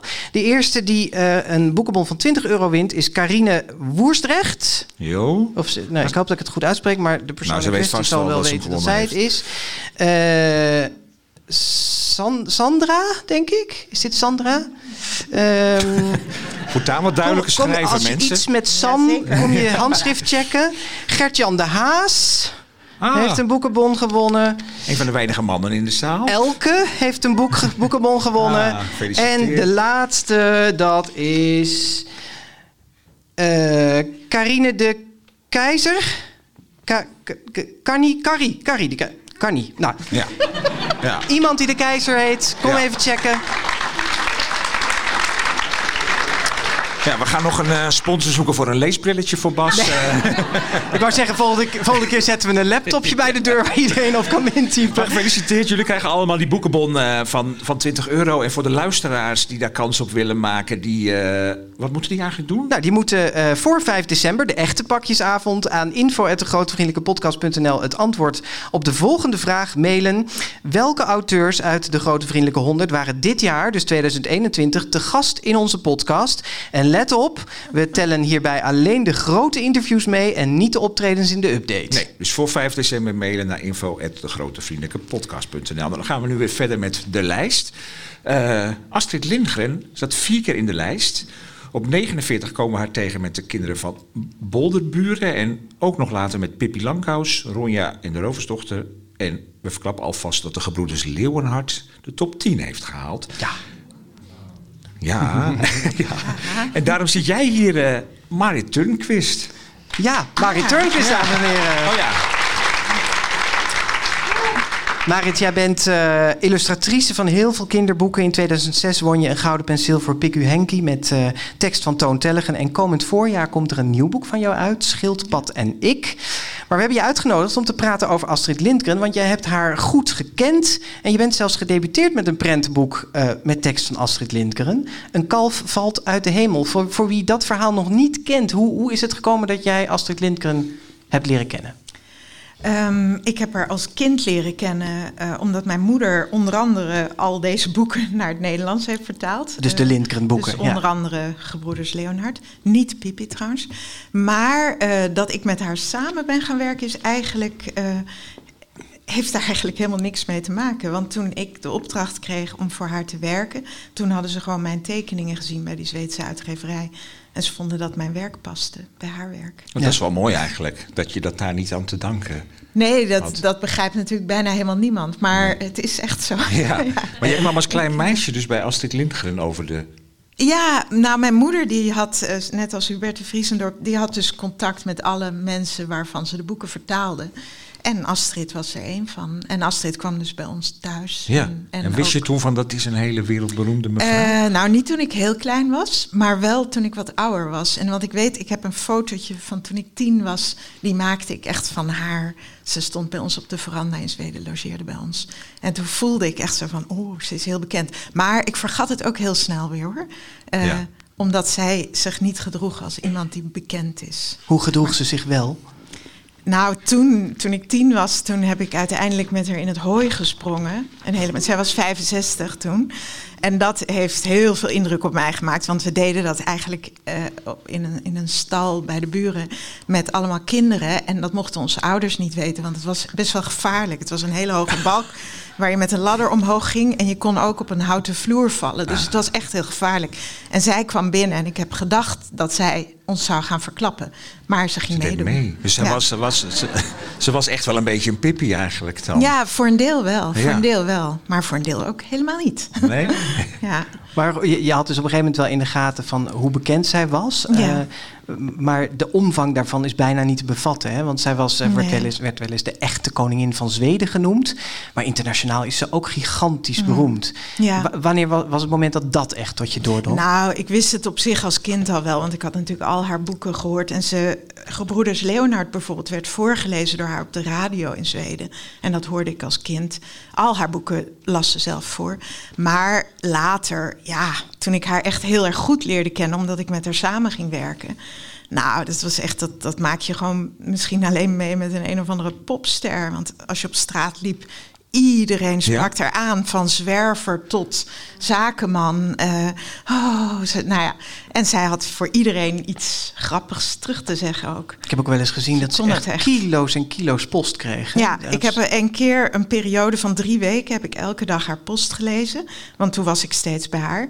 Nou, het was het duurde uren. Wat, wat schreven mensen haar? Nou, het waren, op een gegeven moment toen ging ze alle Duitsers ging ze nadoen. Want die, want die schreven dan. ehm, nou ja, dat ze dus een handtekening moest zetten in een boek en dat weer terug moest sturen. En dan zei ze. Nou, nu ga ik gewoon een standaardbrief maken. Ik ben, een oude dame. En, nou ja, en het is heel ver naar het postkantoor, veel te ver voor mij. Nou ja, want ze was er helemaal klaar mee. Ja. Maar ehm, ja, er, er kwamen ook hele getuigenverklaringen van mensen die bijvoorbeeld ja, iets heel ergs hadden gedaan in hun leven. En die gingen dat dan opeens aan haar Een soort vertellen. biechtmoeder werd ze eigenlijk. Ze was echt biechtmoeder van Zweden. Ach nee, Ongelooflijk, ze had eh, een rol, die kan je niet... Ze kon iedereen onder vin- vingers vinden, van minister-president tot ja, eh, skinhead. Ja, Hè, ze, ja. ze sprak zelfs eh, van die griezels tegen die eh, super racistisch waren. En die ging ze dan eh, de les staan lezen op straat. Je hebt in, Ja. eh, in Zweden een, eh, een, ja, een soort amusementspark of een themapark rondom haar werk mogen ontwerpen. Hè? Junibakken heet ja, dat. het is eigenlijk meer een, een kindercultuurhuis hoor. Het is, Hmm. niet, het is binnen, het Ja. is niet buiten. Maar ja, ik heb een, een hele grote reis door het werk van Astrid Lindgren. En daar zijn zes boeken en ook een zaal met het huis van Pippi Langkous. Daar heb ik twee jaar aan gewerkt, toen was ik dertig. Eh, en dat is door 70 mensen gebouwd. en Dus hoe oud is- was, was Astrid op dat moment? eh, zij was toen, toen het geopend werd 87 of 89. Eh, Kon zij het nog, vergeten. nog op een goede manier... Ja, ja zij heeft de tekst geschreven. Het was de allerlaatste tekst die ze schreef voor deze verhalenreis. Ehm, maar ze zag heel slecht en ze hoorde heel slecht. En ze zei zelf dat ze ook half gek aan het worden was. maar dat betekent, ze was heel erg vergeetachtig aan het worden. Maar ze heeft het wel meegemaakt. Maar eh, de timmermannen, van, eh, die onder andere die decors bouwen, die tilden haar van scène naar scène. Omdat het zo gevaarlijk was met allemaal trappen en dingen waar je in kon vallen.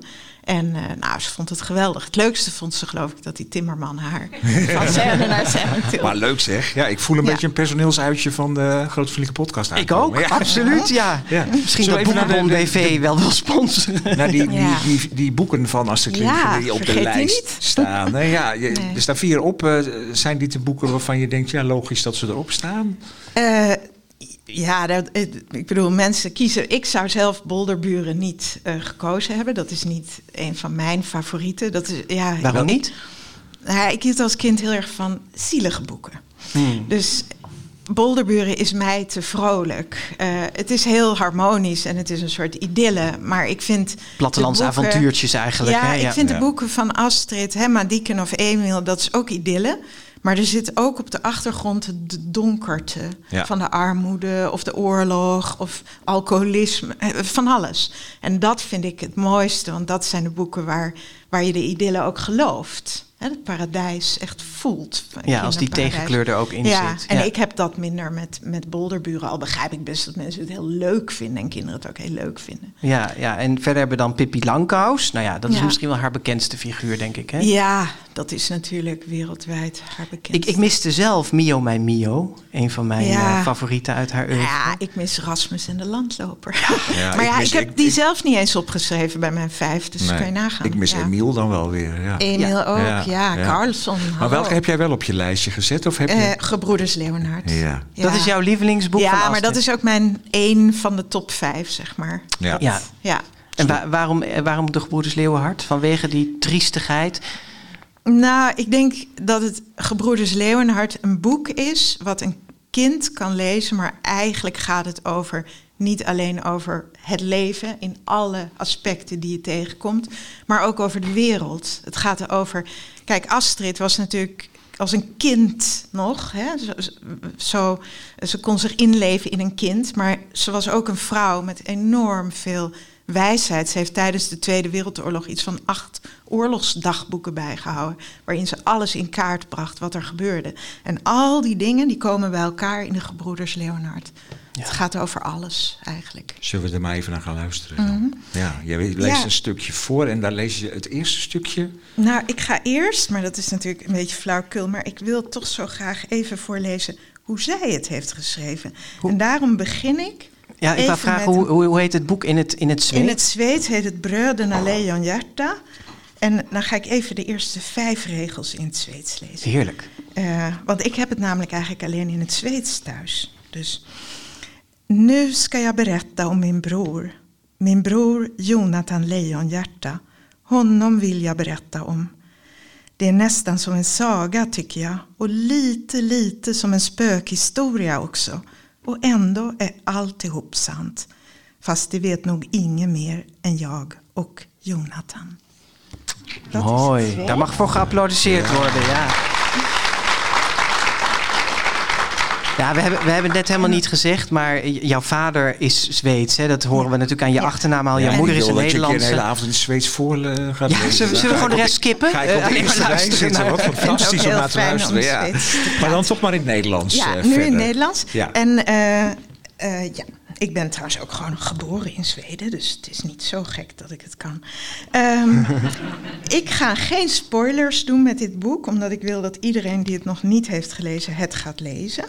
Eh, en daarom heb ik uit het eerste hoofdstuk een stukje gekozen waarin Kleine Kruimel, de ik in het boek, heeft gehoord, terwijl het niet de bedoeling was, dat hij dood zal gaan.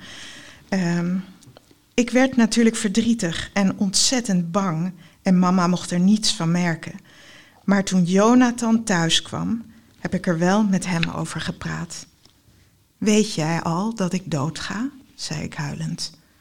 Jonathan dacht even na. Hij wou misschien niet zo graag antwoord geven, maar zei na een poosje: Ja, dat weet ik. Toen huilde ik nog erger. Hoe kan het zo erg zijn? vroeg ik.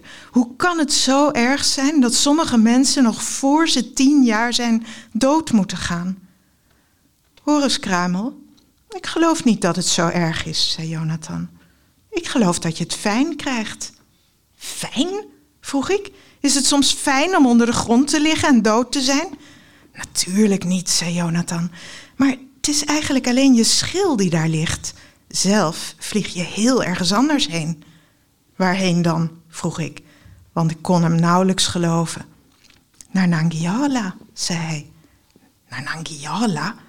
Dat verkondigde hij op een toon alsof ieder mens wist wat hij ermee bedoelde. Maar ik had er nog nooit van gehoord. Mooi, ja.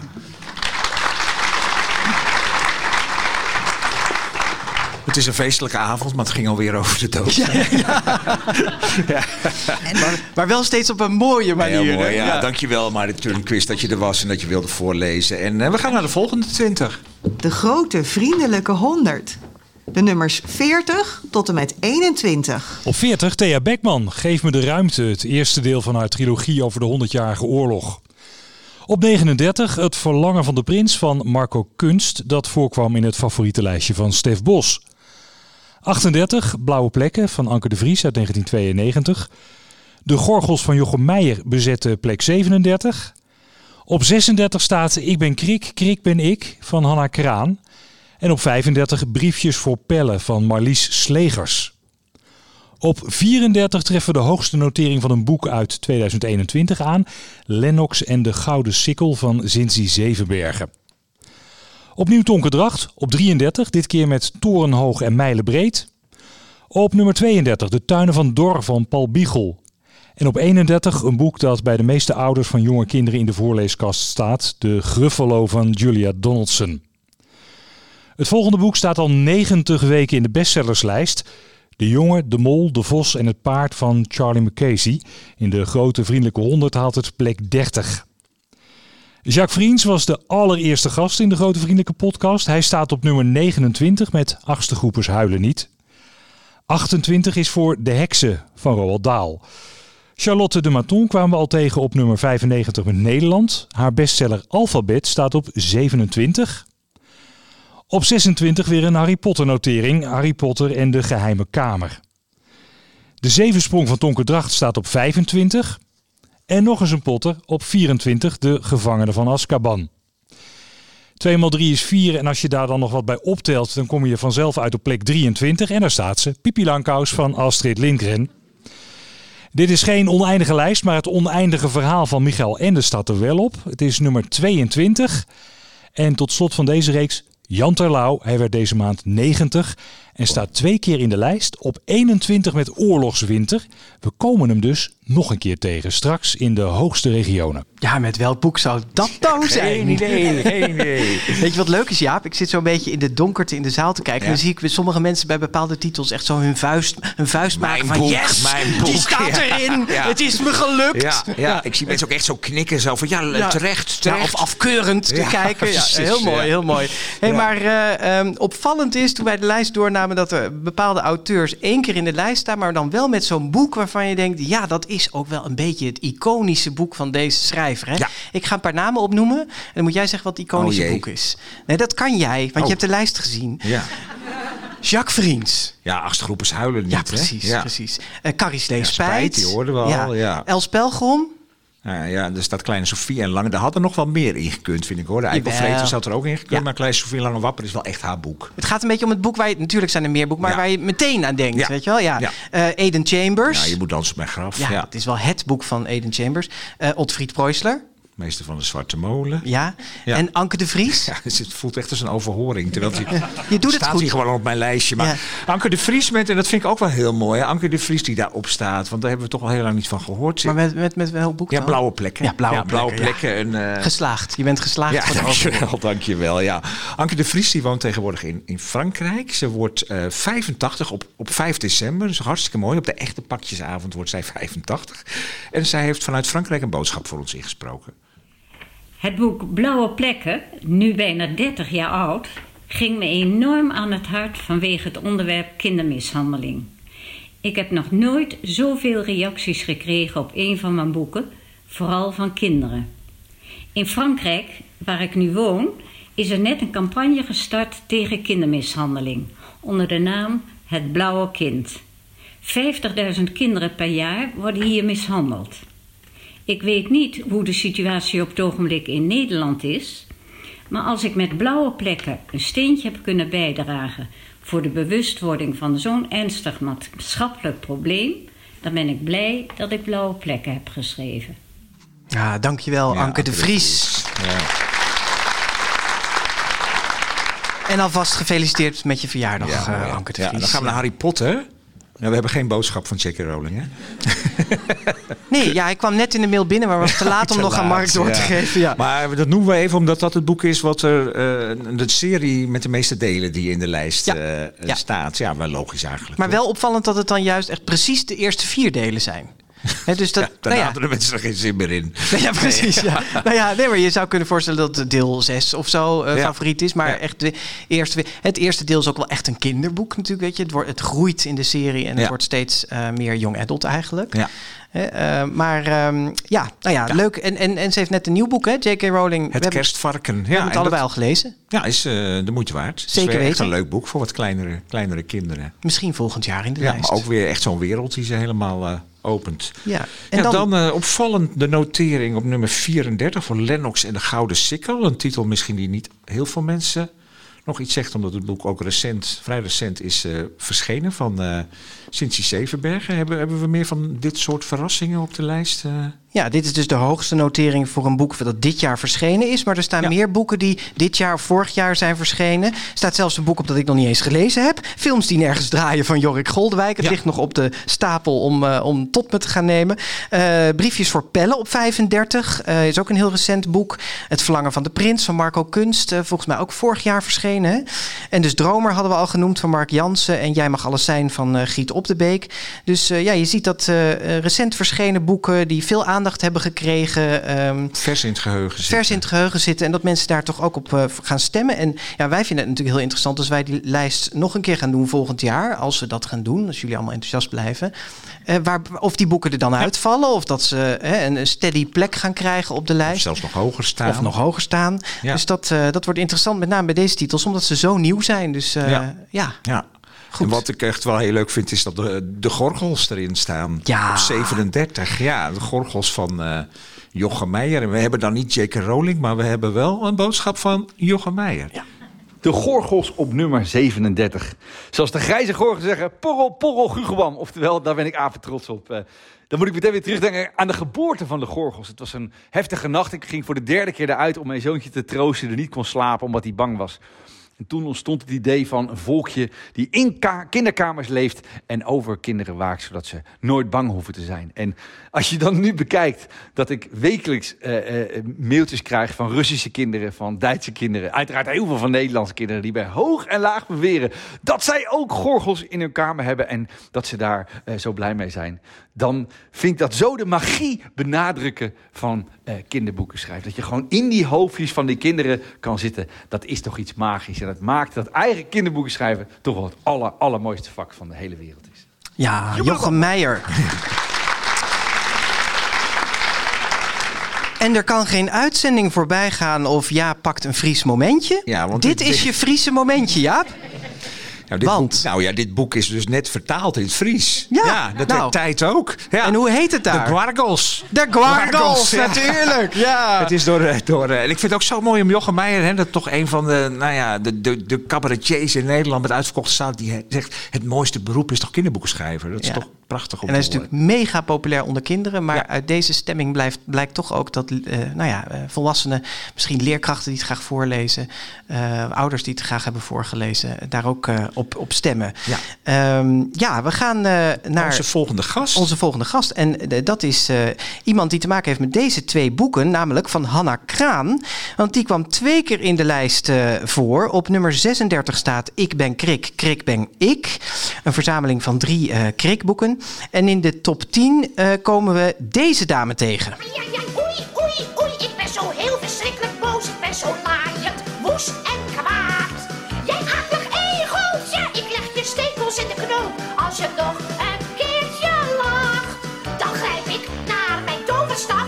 En is het mooi te laat, een enge toverspreuk en ha, ha, ha. Ja, en dat was Loes Luca in de rol van de boze heks. In de langstlopende tv-serie van de VPRO ooit gemaakt. Naar de boeken van Hanna Kraan.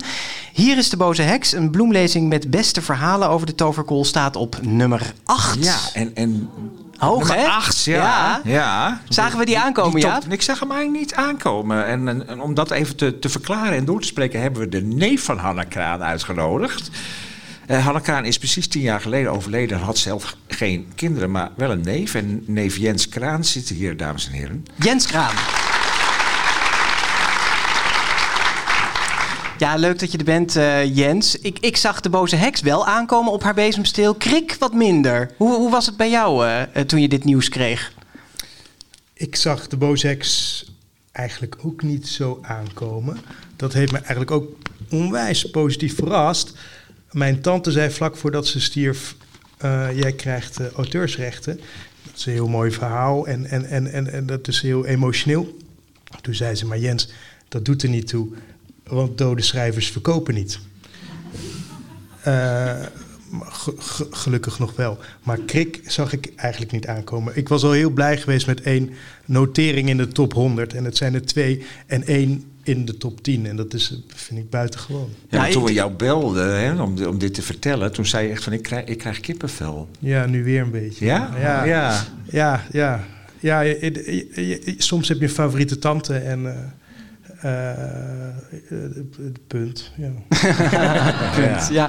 Nou ja, goed. En eh, ik heb het eens even gecheckt bij de kinderboekwinkel. Maar die uh, Kiekeboek, waar we normaal gesproken altijd opnemen. En, uh, en zij zei echt, Jessica, de eigenares, die zei... Oh ja, ja, maar die boze heksen en krik, die verkopen we nog als een malle. Dat gaat hartstikke goed. En dat blijft een voorleestopper voor heel veel ouders en leerkrachten. Het gaat lekker met die nalatenschap, ja. Jens. Nou ja, ja. Ik, en, en nadat jullie mij hadden gebeld, heb ik ook even de uitgeverij gebeld... om te vragen hoe dat dan gaat.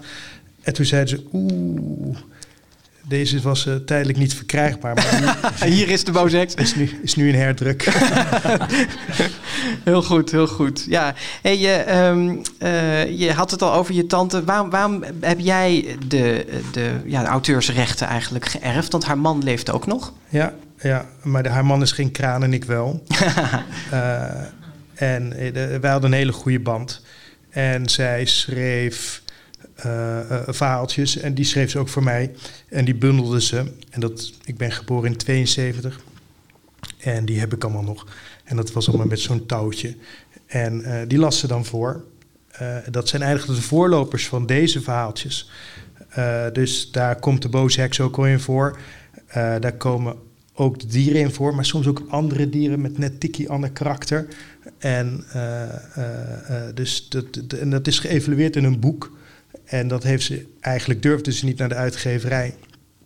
En toen is ze een beetje onder druk gezet door, door Aad, en dat is haar man. En die zei: Doe het dan. Ze zei: Nou, dat doe ik niet. Een lang verhaal. En uiteindelijk uh, zeiden ze, zei ze van: Als het één uitgeverij moet zijn, dan is het uh, Lemniskaat in Rotterdam. En, uh, waar ze geboren is. Waar ook, ze geboren ja. is. En dat was in 1990 en dat was haar eerste boek. Hier is ja, de boze heks. En sindsdien eigenlijk super populair. Hè? Prachtige tekening van Annemarie van Haring... die haar ja. uiterlijk van de boze heks ja. uh, heeft, heeft bepaald eigenlijk. Even voor de mensen die de boeken niet kennen... kunnen we ons bijna niet voorstellen natuurlijk... maar het zijn echte voorleesboeken, dus met losstaande verhalen. Uh, ik ben Krik, Krik ben ik gaat over een eekhoorn, een pad en een merel... die in de achtertuin van de familie Keizer wonen... en daar allerlei avontuurtjes uh, beleven. En de boze heks die woont in het bos met de haas, de merel, de uil... en de eigenwijze egel. En daar is dus ook die tv-serie bij gemaakt die uh, de VPRO heeft uitgezonden. Welke, uh, je, je zei al, uh, Krik zie ik niet aankomen. Betekent dat ook dat de boze heks voor jou ook een favoriet is? Ja, ik vind de boze heks vind ik wel echt hilarisch af en toe. Wat, wat, maakt, wat maakt de verhalen zo goed? Die humor dus? Ik, ja, mijn tante was ontzettend grappig um, en ook heel droog. En dat, dat komt daar wel echt in terug. Ja, het is echt droge humor, ja. hè? Ja. ja. Grappig, ja. En er is ook een, dat vind ik heel grappig, want een van de personages is op jou gebaseerd, hè, een beetje. Nou, ik heb, ik heb wel wat ego-kenmerken. En, uh, ieder kind heeft veel ego-kenmerken, maar ik denk dat ik wel... Ik heb er wel heel veel. Ik ben ook wel... Ik ben ook wel doorgegroeid. Hè. Dus ben je een heel stekelig persoon? Of, nee, helemaal niet. Nee, okay. nee, nee, helemaal niet. Maar ik doe ook wel eens dingen waarvan ik denk... Uh, is dit nou wel goed en waarom doe ik dit? En, en dan denk ik ook wel, hè, de, de egel zingt dan, zolang een egel stekels heeft, heeft hij niets te vrezen. En dan denk ik, nou, dan doe ik dat maar. Ja. En dan ja. zit ik op een podium met jullie en dan denk ik, waarom heb ik dat nou gedaan? nou, je doet het uitstekend. Je doet het uitstekend, Maar ja. die egel, dat is, dat, daar zit een beetje Jens in. Ja, dus. ik ja de egel is wel een Jens, ja. Leuk. Ja, mooi. Leuk. En de, de, running gag in alle verhalen is eigenlijk dat hij elke keer zegt het egeltje van... ja, voor die boze heks moet je oppassen, want die heeft ooit nog eens mijn stekels in de knoop gelegd. Ja. En dat blijft hij maar herhalen tot vervelend toe dat eigenlijk. altijd terug, ja. Ja, ja, precies. Of het nou echt gebeurd is, weet ik eigenlijk niet. Nee, nee, dat staat eigenlijk niet echt in, de, in een van de verhalen volgens mij. Jij, jij beheert nu haar nalatenschap. Ben je, ben je daar actief mee? Wat doe je iets om het werk van je tante levend te houden? Uh, ja, de, ik... ik doe alle contacten met de uitgeverij. En, en ja, het is verdrietig, maar er gebeurt natuurlijk verder niet zo heel veel meer. Maar we gaan wel proberen om alle boze heksen te bundelen in één verhaal, ook met nieuwe tekeningen van Annemarie. Ja, want dit is een selectie hè, van beste Dit is- verhalen ja, uit, maar er komt dus echt een omnibus De met alle boeken. complete eh, boze heks. The Works, ja. Ja. Ja. En, er- en er komen dan ook alle verhaaltjes bij die ze in het aller, aller, aller eh, prille begin heeft geschreven. Dus dat je ook wel kan zien eh, waar het vandaan komt en waar het naartoe gaat. Leuk. Daar zit dan ook nog ongepubliceerd werk bij. Ja. Oh, wat Ja. mooi. Ja. En wanneer gaat dat verschijnen? Nou, dat, dat, dat Annemarie is heel druk, dus dat is volgens mij pas eh, eind 23. Ja. Wat ik me nog wel even afvroeg over Hanna Kraan zelf. ehm, die boze heks, dat is haar grote succes ge- geworden. Hè? Uiteindelijk kwam daar dan Krik naast. Dat werd ook wel succesvol, maar niet zo succesvol als de, als de boze heks. En dat zijn eigenlijk haar twee dingen. Ze heeft nog een Sinterklaasboek gemaakt daarnaast. Maar hoe heeft zij het zelf ervaren dat... Dat, die bo- dat zij zo die, de boze heks werd eigenlijk, van nou niet zijzelf, maar dat ze, zo vereenzelvigd werd met dat personage. Ehm, eh, eh, had ze ook andere dingen willen schrijven? Of, eh, ze, heeft, ze heeft nog een ander boek geschreven. Dat manuscript dat heb ik nog. Daar heb ik ook wel wat gedachten bij. Dat, dat is een heel ander boek. Dat gaat over twee kinderen die bij een kasteel belanden en daar allerlei avonturen beleven. En een deel van het kasteel zien dat grote mensen niet kunnen zien. En daar leven eh, eh, de mensen die eh, voorheen in het kasteel woonden. En zij proberen het kasteel van de ondergang te redden. Dat, dat, daar probeer ik nog iets mee. Ik, Waarom is dat nooit uitgegeven? nou, omdat, omdat die heks ook zo populair Ja, was. En ja. het paste eigenlijk niet in het oeuvre. Maar ze vond het wel heel leuk om te schrijven, want er schilderijen spelen een hele grote rol. En Hanna was helemaal gek van schilderijen. Hmm. Nou, eh, wie weet komt dat er nog aan eh, als jij eh, het voor elkaar krijgt. En eh, wie weet kan de notering, kunnen de noteringen in de grote vriendelijke honderd daar een, een zetje aan geven. Ja. Zou jij eh, tot slot een klein stukje willen voorlezen uit eh, De Boze Heks? En dan hebben we het weer even gehoord. Een klein stukje uit het verhaal. Ja. Eh, het struikeltouwtje is het geloof ik, hè? Het verhaal wat je hebt gekozen. En jij, jij vroeg mij het, het, het, het, het favoriete deel te lezen. Dit is niet mijn favoriete deel, maar dit is een deel waar, waar, waar, waar alle figuren in voorkomen. eh, in hun eh, eh, karakter. En eh, waar de boze heks ook daadwerkelijk boos is. En waar eh oei oei oei in voorkomt. Eh, en dat, introduceer ik nog even. Dan eh, in het bos hebben de, de egel, zo hem hebben, en eh, eh, de merel eh, een touwtje gespannen. En iedereen die daar voorbij komt lopen, die struikelt en valt in de bladeren. Ehm, de haas en de uil zijn al gevallen en die druipen af. De haas gaf een schop tegen de bladeren en liep met de uil mee. Ze waren nog niet ver toen ze de boze heks zagen aankomen. De heks was duidelijk in een slecht humeur. Met een kwaad gezicht slofte ze naderbij. Dag heks, zei de haas, u kunt beter niet rechtdoor gaan. Als u nou hier dit pad neemt, opzij, snauwde de heks. Ik loop waar ik wil. Ja, maar, zei de uil, daar verderop, daar is... De heks duwde hem opzij en slofte verder. De haas en de uil keken elkaar aan en haalden hun schouders op. We hebben ons best gedaan, zei de haas. Had ze maar moeten luisteren, zei de uil. Boem.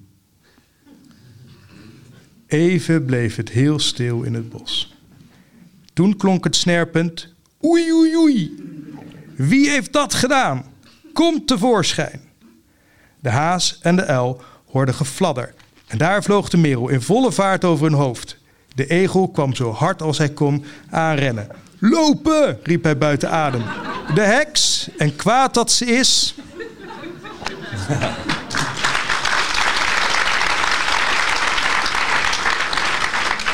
Neef Egel. Ja, Leven Egel. Dankjewel, Jens Heel Kraan. erg bedankt. Leuk dat je er was. Ja. Ja, en wij gaan door. We, gaan, eh, we, we, we, komen er bijna, eh Ja, we gaan- mensen. ja. Ja. we gaan eh, aftellen tot, tot en met nummer 4, om het een beetje spannend te maken. De grote vriendelijke 100. De nummers 20 tot en met 4. Met op 20 Hasse Simonsdochter van Thea Beckman. Op 19 Het Sleutelkruid van Paul Biegel. Het grote boek van Madelief van Guus Kuijer staat op 18. En op nummer 17 het enige boek van een Franse schrijver op de lijst. Alleen op de wereld van Hector Malot. Plek 16 is voor Shaki en de chocoladefabriek van Roald Dahl. En 15 weer Thea Beckman met Kinderen van Moeder Aarde. De kleine kapitein van Paul Biegel is aangelegd bij Steiger 14. De meester van de Zwarte Molen van de Duitse schrijver Otfried Preußler staat op 13. En op 12 de, GVP, de GVR van Roald Dahl. Jaap en Bas trots, blij en tevreden. En net buiten de top 10, maar toch heel verdienstelijk, de winnaar van de Gouden Griffel van dit jaar, Gozert van Pieter Kolwijk. En dan de top 10. Er staan acht boeken uit de vorige eeuw op en twee boeken die na het jaar 2000 zijn verschenen. Op 10 Ronja de Roversdochter van Astrid Lindgren. Op 9 Mathilda van Roald Dahl. De musical naar het boek is volgend najaar voor het eerst in Nederland te zien. Oei oei oei! Op 8 Hier is de boze heks van Hanna Kraan. Op nummer 7 de hoogste notering voor J.K. Rowling. Harry Potter en de Steen der Wijze, het eerste deel uit de serie. 6 de Gebroeders Leeuward van Astrid Lindgren. Op 5, ik kondigde het al aan, nog één titel van Jan Terlouw. Dat kan natuurlijk niet anders dan... De Koning van Katoren zijn. En net buiten de top 3, maar toch een prachtige notering. Op 4 staat een rood kraamwagentje met daarin... Pluk van de Pettenflat van Annie M.G. Schmid. Ja, mooi. Heel mooi. Nu, kan je al een beetje voelen van... hé, hey, er zijn nog een paar boeken over. Ja, Hè? ja is- welke, welke zijn er nog over? Welke zouden dat zijn? Ja, nou ja, Annie heeft het dus net niet gered tot eh, top 3. Ja. Maar wel nummer 4. dus har- hartstikke mooi. Ja. Zo'n beetje verbaasd dat Jip en Janneke helemaal niet in de lijst... eh, Jip Janneke is. eh, nee, maar ik denk dat dat toch een beetje verouderd eh, begint te raken. En dat mensen. Pluk is gewoon niet verouderd. Nee. Het is eh, gewoon Nee. echt heel goed te lezen. Ja. Nog even een feministisch blokje doen. Doe maar een feministisch Ja, nou ja, er staan, eh, in, eh, in de lijst staan wel meer eh, vrouwelijke auteurs. Er staan 57 vrouwelijke auteurs en 43 eh mannelijke 53, auteurs. 53. Ja. Wat Ja. zeg je? 53? Nee, 57 Oh, er staat hier vrouwelijke. 53. We kunnen ja, maar niet rekenen. niet. Nee. nee, dus ik zei het goed nu. ik Oké, had verbeterd sorry en dan hoor. ga jij het Ja, nog weer nee. verbeteren. Ja, er is 57 vrouwelijke en 43 mannelijke. Maar de top 10, daar staan maar liefst acht boeken van vrouwelijke auteurs Ja, goed in. hè? Ehm, zullen we gewoon naar de top 3? Nee, nog niet. Oh. Want eh Gozert wil ik het nog even over Oh hebben. ik Ja, over. het, eh, het boek dat eh, de Gouden Griffel dit jaar won, heeft dus net de top 10 niet gehaald. Maar daar zijn Gozert en zijn geestelijk vader Pieter Kolwijk helemaal niet rouwig om. Luister maar. Hallo, Pieter hier. Ik hoorde van Gozert dat het boek Gozert op de 11e plek staat in de GV100. Want ja, hij is onzichtbaar en hij kijkt altijd overal mee. Ehm, ik ben er heel blij mee en Gozert is er super blij mee. Met een superheldencape om. Want 11e, ja, ze zeggen altijd dat 11 het gekke getal is. En Gozert, tja, die heeft ook vaak genoeg over Ties te gekregen dat hij gek was. Dus die vindt 11e heel erg mooi passen. Wat het boek voor mij betekent, ja, een gouden griffel, bestsellerlijst. Ehm, ineens weet iedereen wie ik ben in het wereldje. Iedereen kent bijna al mijn boeken ineens. Dus voor mij is het wel het boek waarmee ik mezelf op de kaart heb gezet. En ehm, ik ben er heel erg trots op. Maar ja, dat ben ik wel op al mijn boeken. Doeg! Ah, Pieter Koolwijk. Ja, en dan gaan we nu echt naar de top 3. En daar hebben we ook een mooi jingletje voor. Laat maar horen. De grote vriendelijke 100. Nummer 3. Ja, en... eh, Wie staat er op we hebben het drie? verdeeld. Jij, jij mag de nummer Oh, ik drie mag, ik mag nummer 3 doen, sorry. Kruistocht in Spijkerbroek van Thea Beckman. Ja. Ja, applaus.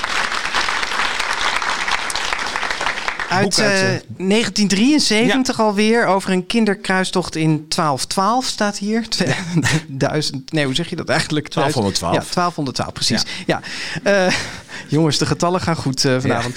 Eh, ze kregen in 1974 een gouden griffel voor. Is het logisch dat hij op top 3 op de, op Ja, de ik vind het wel. Het is voor mij wel echt een eh, boek wat nog altijd bij me blijft. Ook omdat ja, het is natuurlijk heel vaak verfilmd te zijn. Een toneelstuk, een musical. Ik heb volgens mij twee jaar geleden nog het Hofplein Theater een musical gezien. En dat blijft toch gewoon heel bijzonder met al die kinderen. En ik vind het wel echt zo'n zo'n episch boek waar ik in die...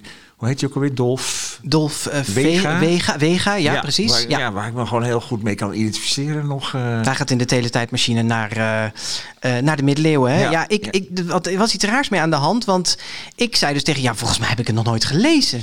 Maar toen mijn moeder en mijn vader los van elkaar tegen aan mij geappt. Ja hoor, dat hebben we voorgelezen. Dus bij mij is het toch een beetje weggezakt. Ik heb Ja. het wel weer helemaal opgehaald de laatste Maar tijd. ik vind dat ook wel logisch dat je niet bij alle boeken nog altijd helemaal weet of je ze nou vroeger wel of niet hebt gelezen. Ja, ik Dus weet ik vind het niet zo gek hoor. Bij mij maakt het toch meestal wel... Ja, nou goed, Ja. maakt niet uit. Ja. Dit was even mijn ervaring bij... eh, we, we- we kwamen ook nog een grappig verhaal tegen. Er is een man geweest die is vorig jaar... eh, of nee, in augustus van dit jaar gestart...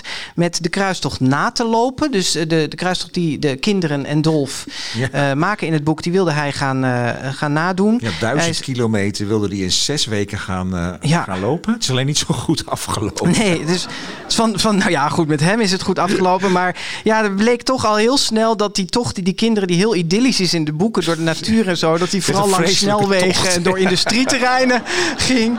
Dus eh, hij heeft hem na twaalf dagen afgebroken.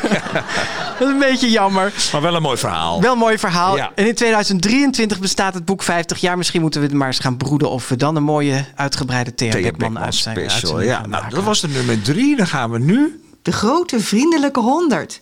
Nummer 2. Ja, mensen, op nummer twee. De brief voor de koning van Tonke Draagt. Yes. Ja. Uit 1962, het, het kinderboek van het jaar in 1963. En ja, Tonke Dracht, we hebben natuurlijk een prachtige aflevering met haar gemaakt. Ook vorig jaar. Ze werd twee jaar geleden, of nee, ze werd, werd onlangs 91. En eh, er is ook net weer een boek van haar verschenen... wat samen met Rinnet Kromhout is geschreven. En, en jij bent bij haar geweest om haar vertrouwd te interviewen. Ja, ik ben vorige week bij haar op bezoek geweest. Ik heb een dubbel interview gedaan met haar en Rindert Kromhout. Staat aanstaande zaterdag eh, in Dagblad Trouw. Eh, is het aanstaande zaterdag 4 december? Nee, dan volgende week. Volgende week, Volgende week ja. staat het erin. 4 december. En dat gaat over het boek eh, Wie achter deze deur verdwaalt. Het boek wat Ja. zij samen hebben gemaakt. Ehm, maar ja, ik was bij haar bezoek, dus ik heb mijn kans gegrepen. Tonke Dracht. Tonke Dracht, we hebben de grote vriendelijke 100 bekendgemaakt. En jij staat hoe vaak in de lijst? Wat denk je? Nou, even denken. T- eh, twee, drie keer, drie, drie maal scheepsrecht. Je staat er vijf keer in. Oh, dat had ik helemaal niet gedacht. En, en eh, met, met welke boeken sta ik erin? Nou, ik denk dat je één titel wel kan bedenken, toch? Nou, dat zal wel de brief voor de koning zijn, want het is altijd de brief voor de koning. Iedereen kent de brief voor de koning. En het is niet eens zo'n beste boek. nou, dan gaan we kijken of die er ook in staat. Het tweede boek dat erin staat is De Zevensprong. Oh, dat, is, dat vind ik ook leuk. De zevensprong vind ik ook leuk. Dat moet vaker gelezen worden. Al is het vanwege dat het uit zeven hoofdstukken bestaat. Zeven is het geluksgetal. En dan de volgende zal je ook wel opgetogen over zijn, denk ik. Dat is Torenhoog en Mijlenbreed. Oh, dat vind ik helemaal leuk. Eigenlijk gaat het in het geniep over mijn geboorteland Indië. En dan als, eh, ehm, even kijken, 1, 2, 3, vierde boek. eh, ook een boek over wilde wouden, namelijk Geheimen van het Wilde Woud. Een geheim van het Wilde Woud is voor, leuk voor kinderen die graag willen weten hoe het met de jury verder gaat. En dan als laatste, heb je een idee? Welk boek hoop je dat er dan als laatste nog in zou staan? Eh, welke zou ik nog meer kunnen? Even denken. Eh Zevensom hebben we ook gehad. Geheim van het Wilde Woud gehad. Turnog en Meidebreed hebben we ook gehad. hebben ze allemaal gehad. De Torens van Februari. Oh ja, de torens van februari. Ja, en daar ben ik blij mee, omdat het een boek is waar sommige mensen een beetje boos over worden. Omdat het hier en daar een beetje droevig is. Ik heb het je al eens eerder gevraagd, Tonke, maar wat betekent het voor jou dat nu er hè, nu zoveel mensen hebben gestemd voor de Grote Vriendelijke 100, 100 favoriete kinderboeken aller tijden, en dat er dus vijf titels van jou in staan? Wat, wat betekent dat voor je dat jouw werk nog steeds zo leeft? Ja, dat vind ik, ik schrijf al zo lang. En eh, dat er nog steeds mensen zijn die mijn boeken lezen.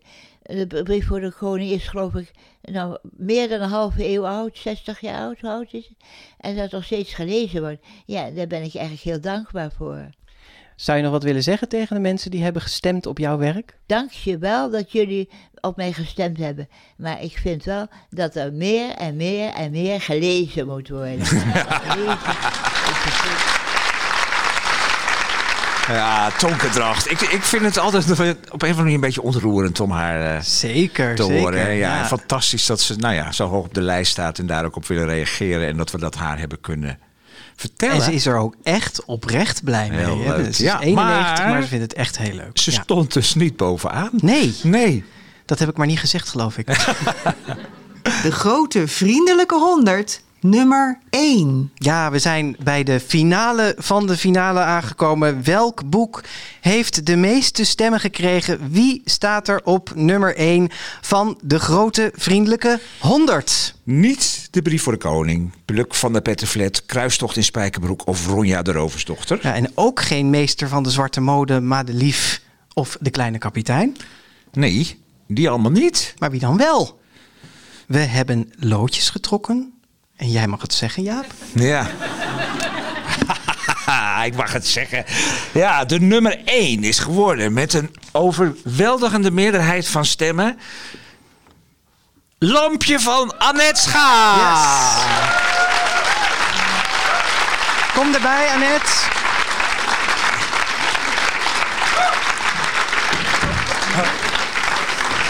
Gefeliciteerd, gefeliciteerd. Ja, ja. Uh, Ja, je eerste reactie? eh, ik had eh, bedacht onthutst. en, Ja, want je had het al even verteld, hè? Ja. Maar toen ik je belde, was je best onthutst. ja, en, en nog, oh god, nog, eh, nog, nog steeds wel. Het, het zijn natuurlijk, als je die boeken opnoemt, zijn allemaal lievelingsboeken zitten daarbij, bijna allemaal. Dus dat is helemaal niet, eigenlijk ook niet heel erg leuk om daar dan van te winnen. Nee. Eh, zo, nou, maar het is natuurlijk wel heel eh, fijn. Ja, nou, je hebt die gewonnen. Je staat erg- gewoon heerlijk bovenaan met Het is lampje. echt heerlijk dat zoveel mensen het mooi vinden. Ja, Het is ja. on- onbegrijpelijk eigenlijk. Ja. Heel fijn. Ja, nou Ja. fantastisch. We hebben natuurlijk in dit theater al uitgebreid met je Ja, gesproken. dus niks meer te Over de meiden. We gaan, niet, we gaan niet weer een diepte interview doen. Nee, we hebben een prachtige soort oorkonde voor je gemaakt. Dus misschien kan je hem even mooi laten zien. En nog een applaus. En ehm Annette, eh, er hoort ook een geldprijs bij. Chocolademunten. Choco Bas heeft chocolademunten Ja. gekocht. Misschien kun je gaan zitten, want dan kun je achter de microfoon eh, eh, plaatsnemen. Wat zeg je? Moeten we iemand bellen? Hoezo moeten we Nou, iemand dat doen we bellen? straks. Dat is straks. Ja, ja. ja. wij eh, hadden bedacht, want je hebt al die prijzen al en wil je toch iets bijzonders geven. Dus we hebben een heel bijzonder cadeau voor je. Janneke. Ja, Janneke Schotveld. Ja, Janneke Schotveld. Janneke, ja, Janneke is je cadeau. Nou, dat is leuk, wel, ja. toch? Ja. Nee, Janneke die, eh, die heeft iets voor je, voor je gezien. Je bent goed bevriend met Janneke. Hè? En je deelt ook heel veel met Janneke over wat je geschreven hebt. En wij dachten, wat is er nou mooier om Janneke een ode te laten Oh, nee, dan ga ik schrijven. huilen. Ja, ga, maar, Oh. ga lekker huilen. Ga allemaal huilen mensen en luister naar Janneke Schotveld. Ik heb niks gezegd. Knap, hè? Nog even beginnen met het applausje, toch? Janneke Schotveld.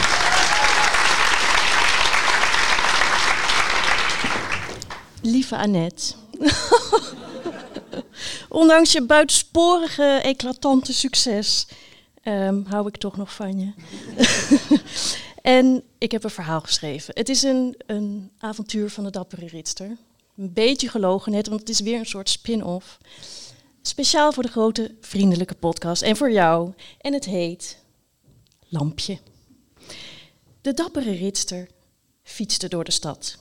Ze had vanmiddag twee boefjes in hun kraag gegrepen, een oud mannetje helpen overste- oversteken, voorgedrongen bij de bakker omdat ze de rij te lang vond, haar band geplakt omdat er een pepernoot in zat, twee pubers die hun patatpakje in de bosjes wilden gooien, zachtjes maar beslist naar de prullenbak begeleid.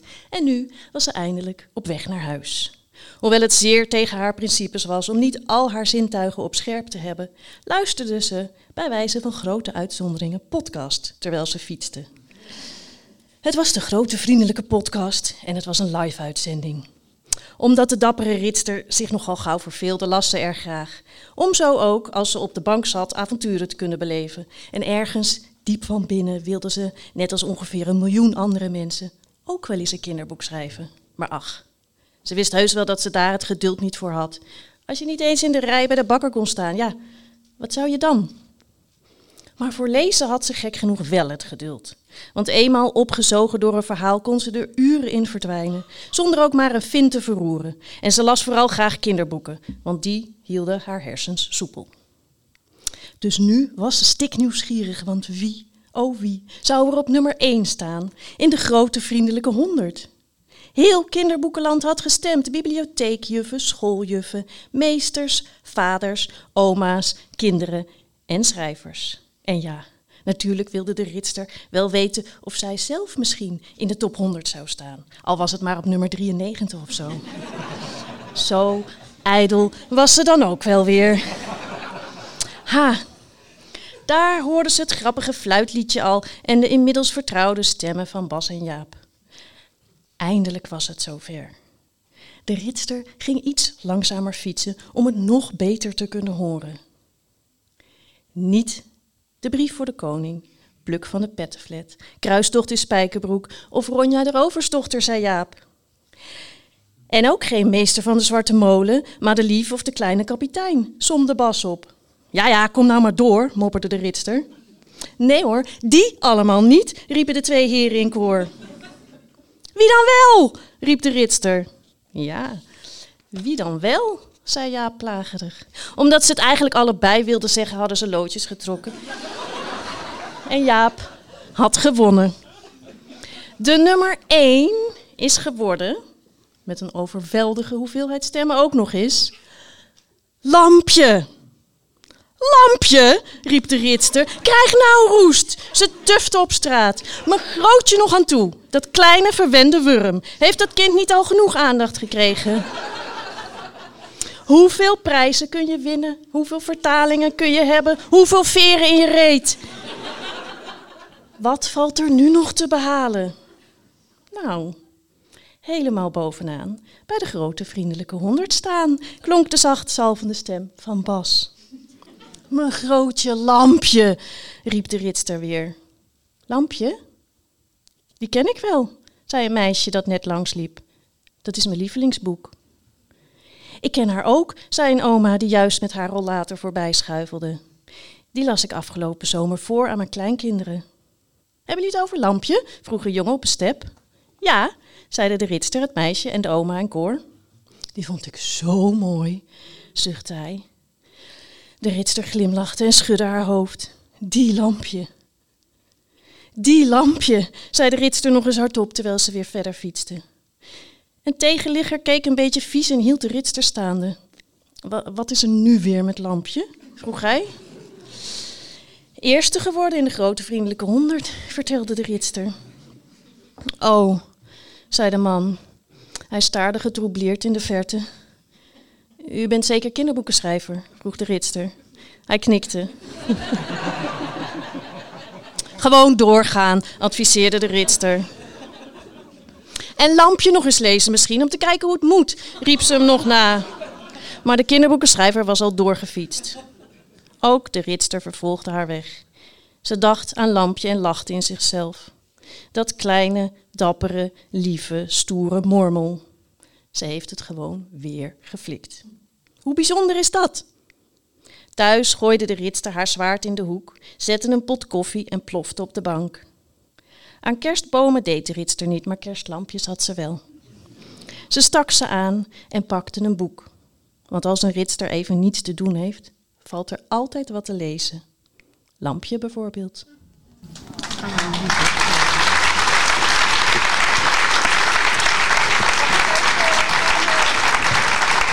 Ja, dankjewel. Ja, even een mooie knuffel tussen Janneke en Annette Schaap nu op het podium.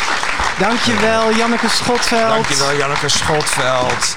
Voor een prachtige ode. Annette stond nog even op om uh, Janneke te omhelzen. Je mag de microfoon even naar je toe halen, dan kunnen we je horen. Hoe was dat om uh, jouw verhaal in een ander verhaal te horen? Lief, mooi en... Tikkie vilijn. Ja, maar dat, dat is niet meer dan terecht natuurlijk. nee, maar ik vond het heel grappig omdat ik Janneke ontmoette een half uurtje voordat dit begon. Een soort, met een soort schaamrood bekende van ja, nou, ik kan, kan niet helpen, maar ik wist al dat lampje op één staat en zei: Och, echt waar, nou. En, dus ik had het niet gemerkt dat ze het al wist. Nee. heel goed, heel ja. goed. Heel nou, goed. net. Uh, ja. kan niks anders zeggen dan nogmaals van harte gefeliciteerd. En heel fijn dat je hier ook echt was om, om dat met ja. ons uh, te vieren. Ja. Annette Schaap. Uh...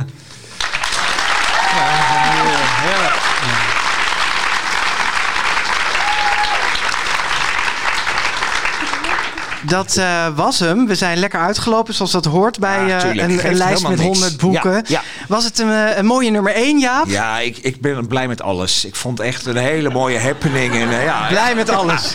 ik hoop jullie ook. Willen jullie het volgend jaar weer? Oh, Nou, kijk, kijk eens, heel leuk, heel leuk. Hey, en eh, het is een pakjesavond. Gaan we nog pakjes uitdelen? Hoe zit dat? gaan we doen. We hebben zometeen eh voor iedereen een chocoladelettertje. Een G, of V of een P. Dus die krijgen jullie bij de uitgang mee. En we hebben posters laten drukken met de hele top 100. Ja, de hele top 100 Ja, erop. laat hem even Eh, zien. Het is wil je me eventjes uitrollen, assistenten? Ja, Dan kan daar ik hem is de vast hele grote vriendelijke 100 op te zien. publiek laten zien. Met alle covers van Met alle, alle covers boeken. van, Kijk, ehm, is prachtig? van de boeken erop. Jullie krijgen allemaal zo'n poster mee zometeen. Ja. Hè, want we mogen geen borrel houden, maar dit is toch ook een prachtig cadeau. En eh, als er bibliothecarissen aanwezig zijn of eh, mensen van boekhandelaren, die mogen er ook een paar meenemen, want we hebben er genoeg. Ja. Ehm, Die en mensen poster is die... voor iedereen Ja, thuis precies, eh, te downloaden via de knop Media Kit op onze website. En daar vind je trouwens ook de volledige lijst. En die vind je ook op www.hebban.nl. We gaan een beetje afronden. Ja, zeker. Bas, Ja, ja. En op onze eigen site staan ook nog de welbekende show notes bij deze aflevering met zoveel mogelijk eh, doorleeslinkjes. De grotevriendelijke podcast.nl. Ja. Goed, mensen, dit was ons heerlijke avondje. De 62e aflevering van de Grote Vriendelijke Podcast. Live vanuit Theater De Liefde in Haarlem. En we moeten even wat mensen bedanken. Eh, natuurlijk iedereen die heeft gestemd. De mensen van Hebban, met wie we fantastisch hebben samengewerkt. Sander Verheijen en Linny de Jong. Eh, Annette van het theater hier. Ilse Knook voor de kaartcontrole. En onze bestuursleden Thea Otte, Mout Azen en Marianne de Ruigt voor de ondersteuning. En Anouk Thijssen voor het inspreken van de tunes. En natuurlijk Bert Kranenbarg voor het vakkundig voorlezen van alle boeken op de lijst. Bert Kranenbarg. En natuurlijk Mark Brouwer, onze onvermoeibare technicus. Ja, en verder is het goed om te zeggen dat we deze podcast kunnen maken dankzij financiële ondersteuning van meerdere fondsen, waarvan vanavond ook een aantal vertegenwoordigers in de zaal zitten. Dank voor jullie steun. En mocht je zelf denken als je luistert, ik wil deze podcast ook steunen, dan kan dat via vriendvandeshow.nl schuine streep de GV podcast. Daar kun je een maandelijkse of eenmalige of jaarlijkse donatie doen. En daar help je ons enorm mee. We hebben nu 184 vrienden. We hopen toch voor het eind van het jaar die 200 wel aan te tikken, of niet, Ja. eh, Jaap? Nog iemand bedanken? Nou, het publiek in de zaal. Hartstikke leuk dat jullie er allemaal waren. En jij, Bas. Ik vond het weer een eer om met jou deze prachtige... Dan ga ik ook nog heen. Nee, bedankt, een Jij ook klus, bedankt. Maar eh, we hebben het hartstikke mooi gedaan. En fijn dat je allemaal hebt geluisterd. Jullie allemaal bedankt. Wel thuis en eh, wees voorzichtig. En eh, wij zijn er in december weer terug in jullie podcast-app. Tot, Tot dan.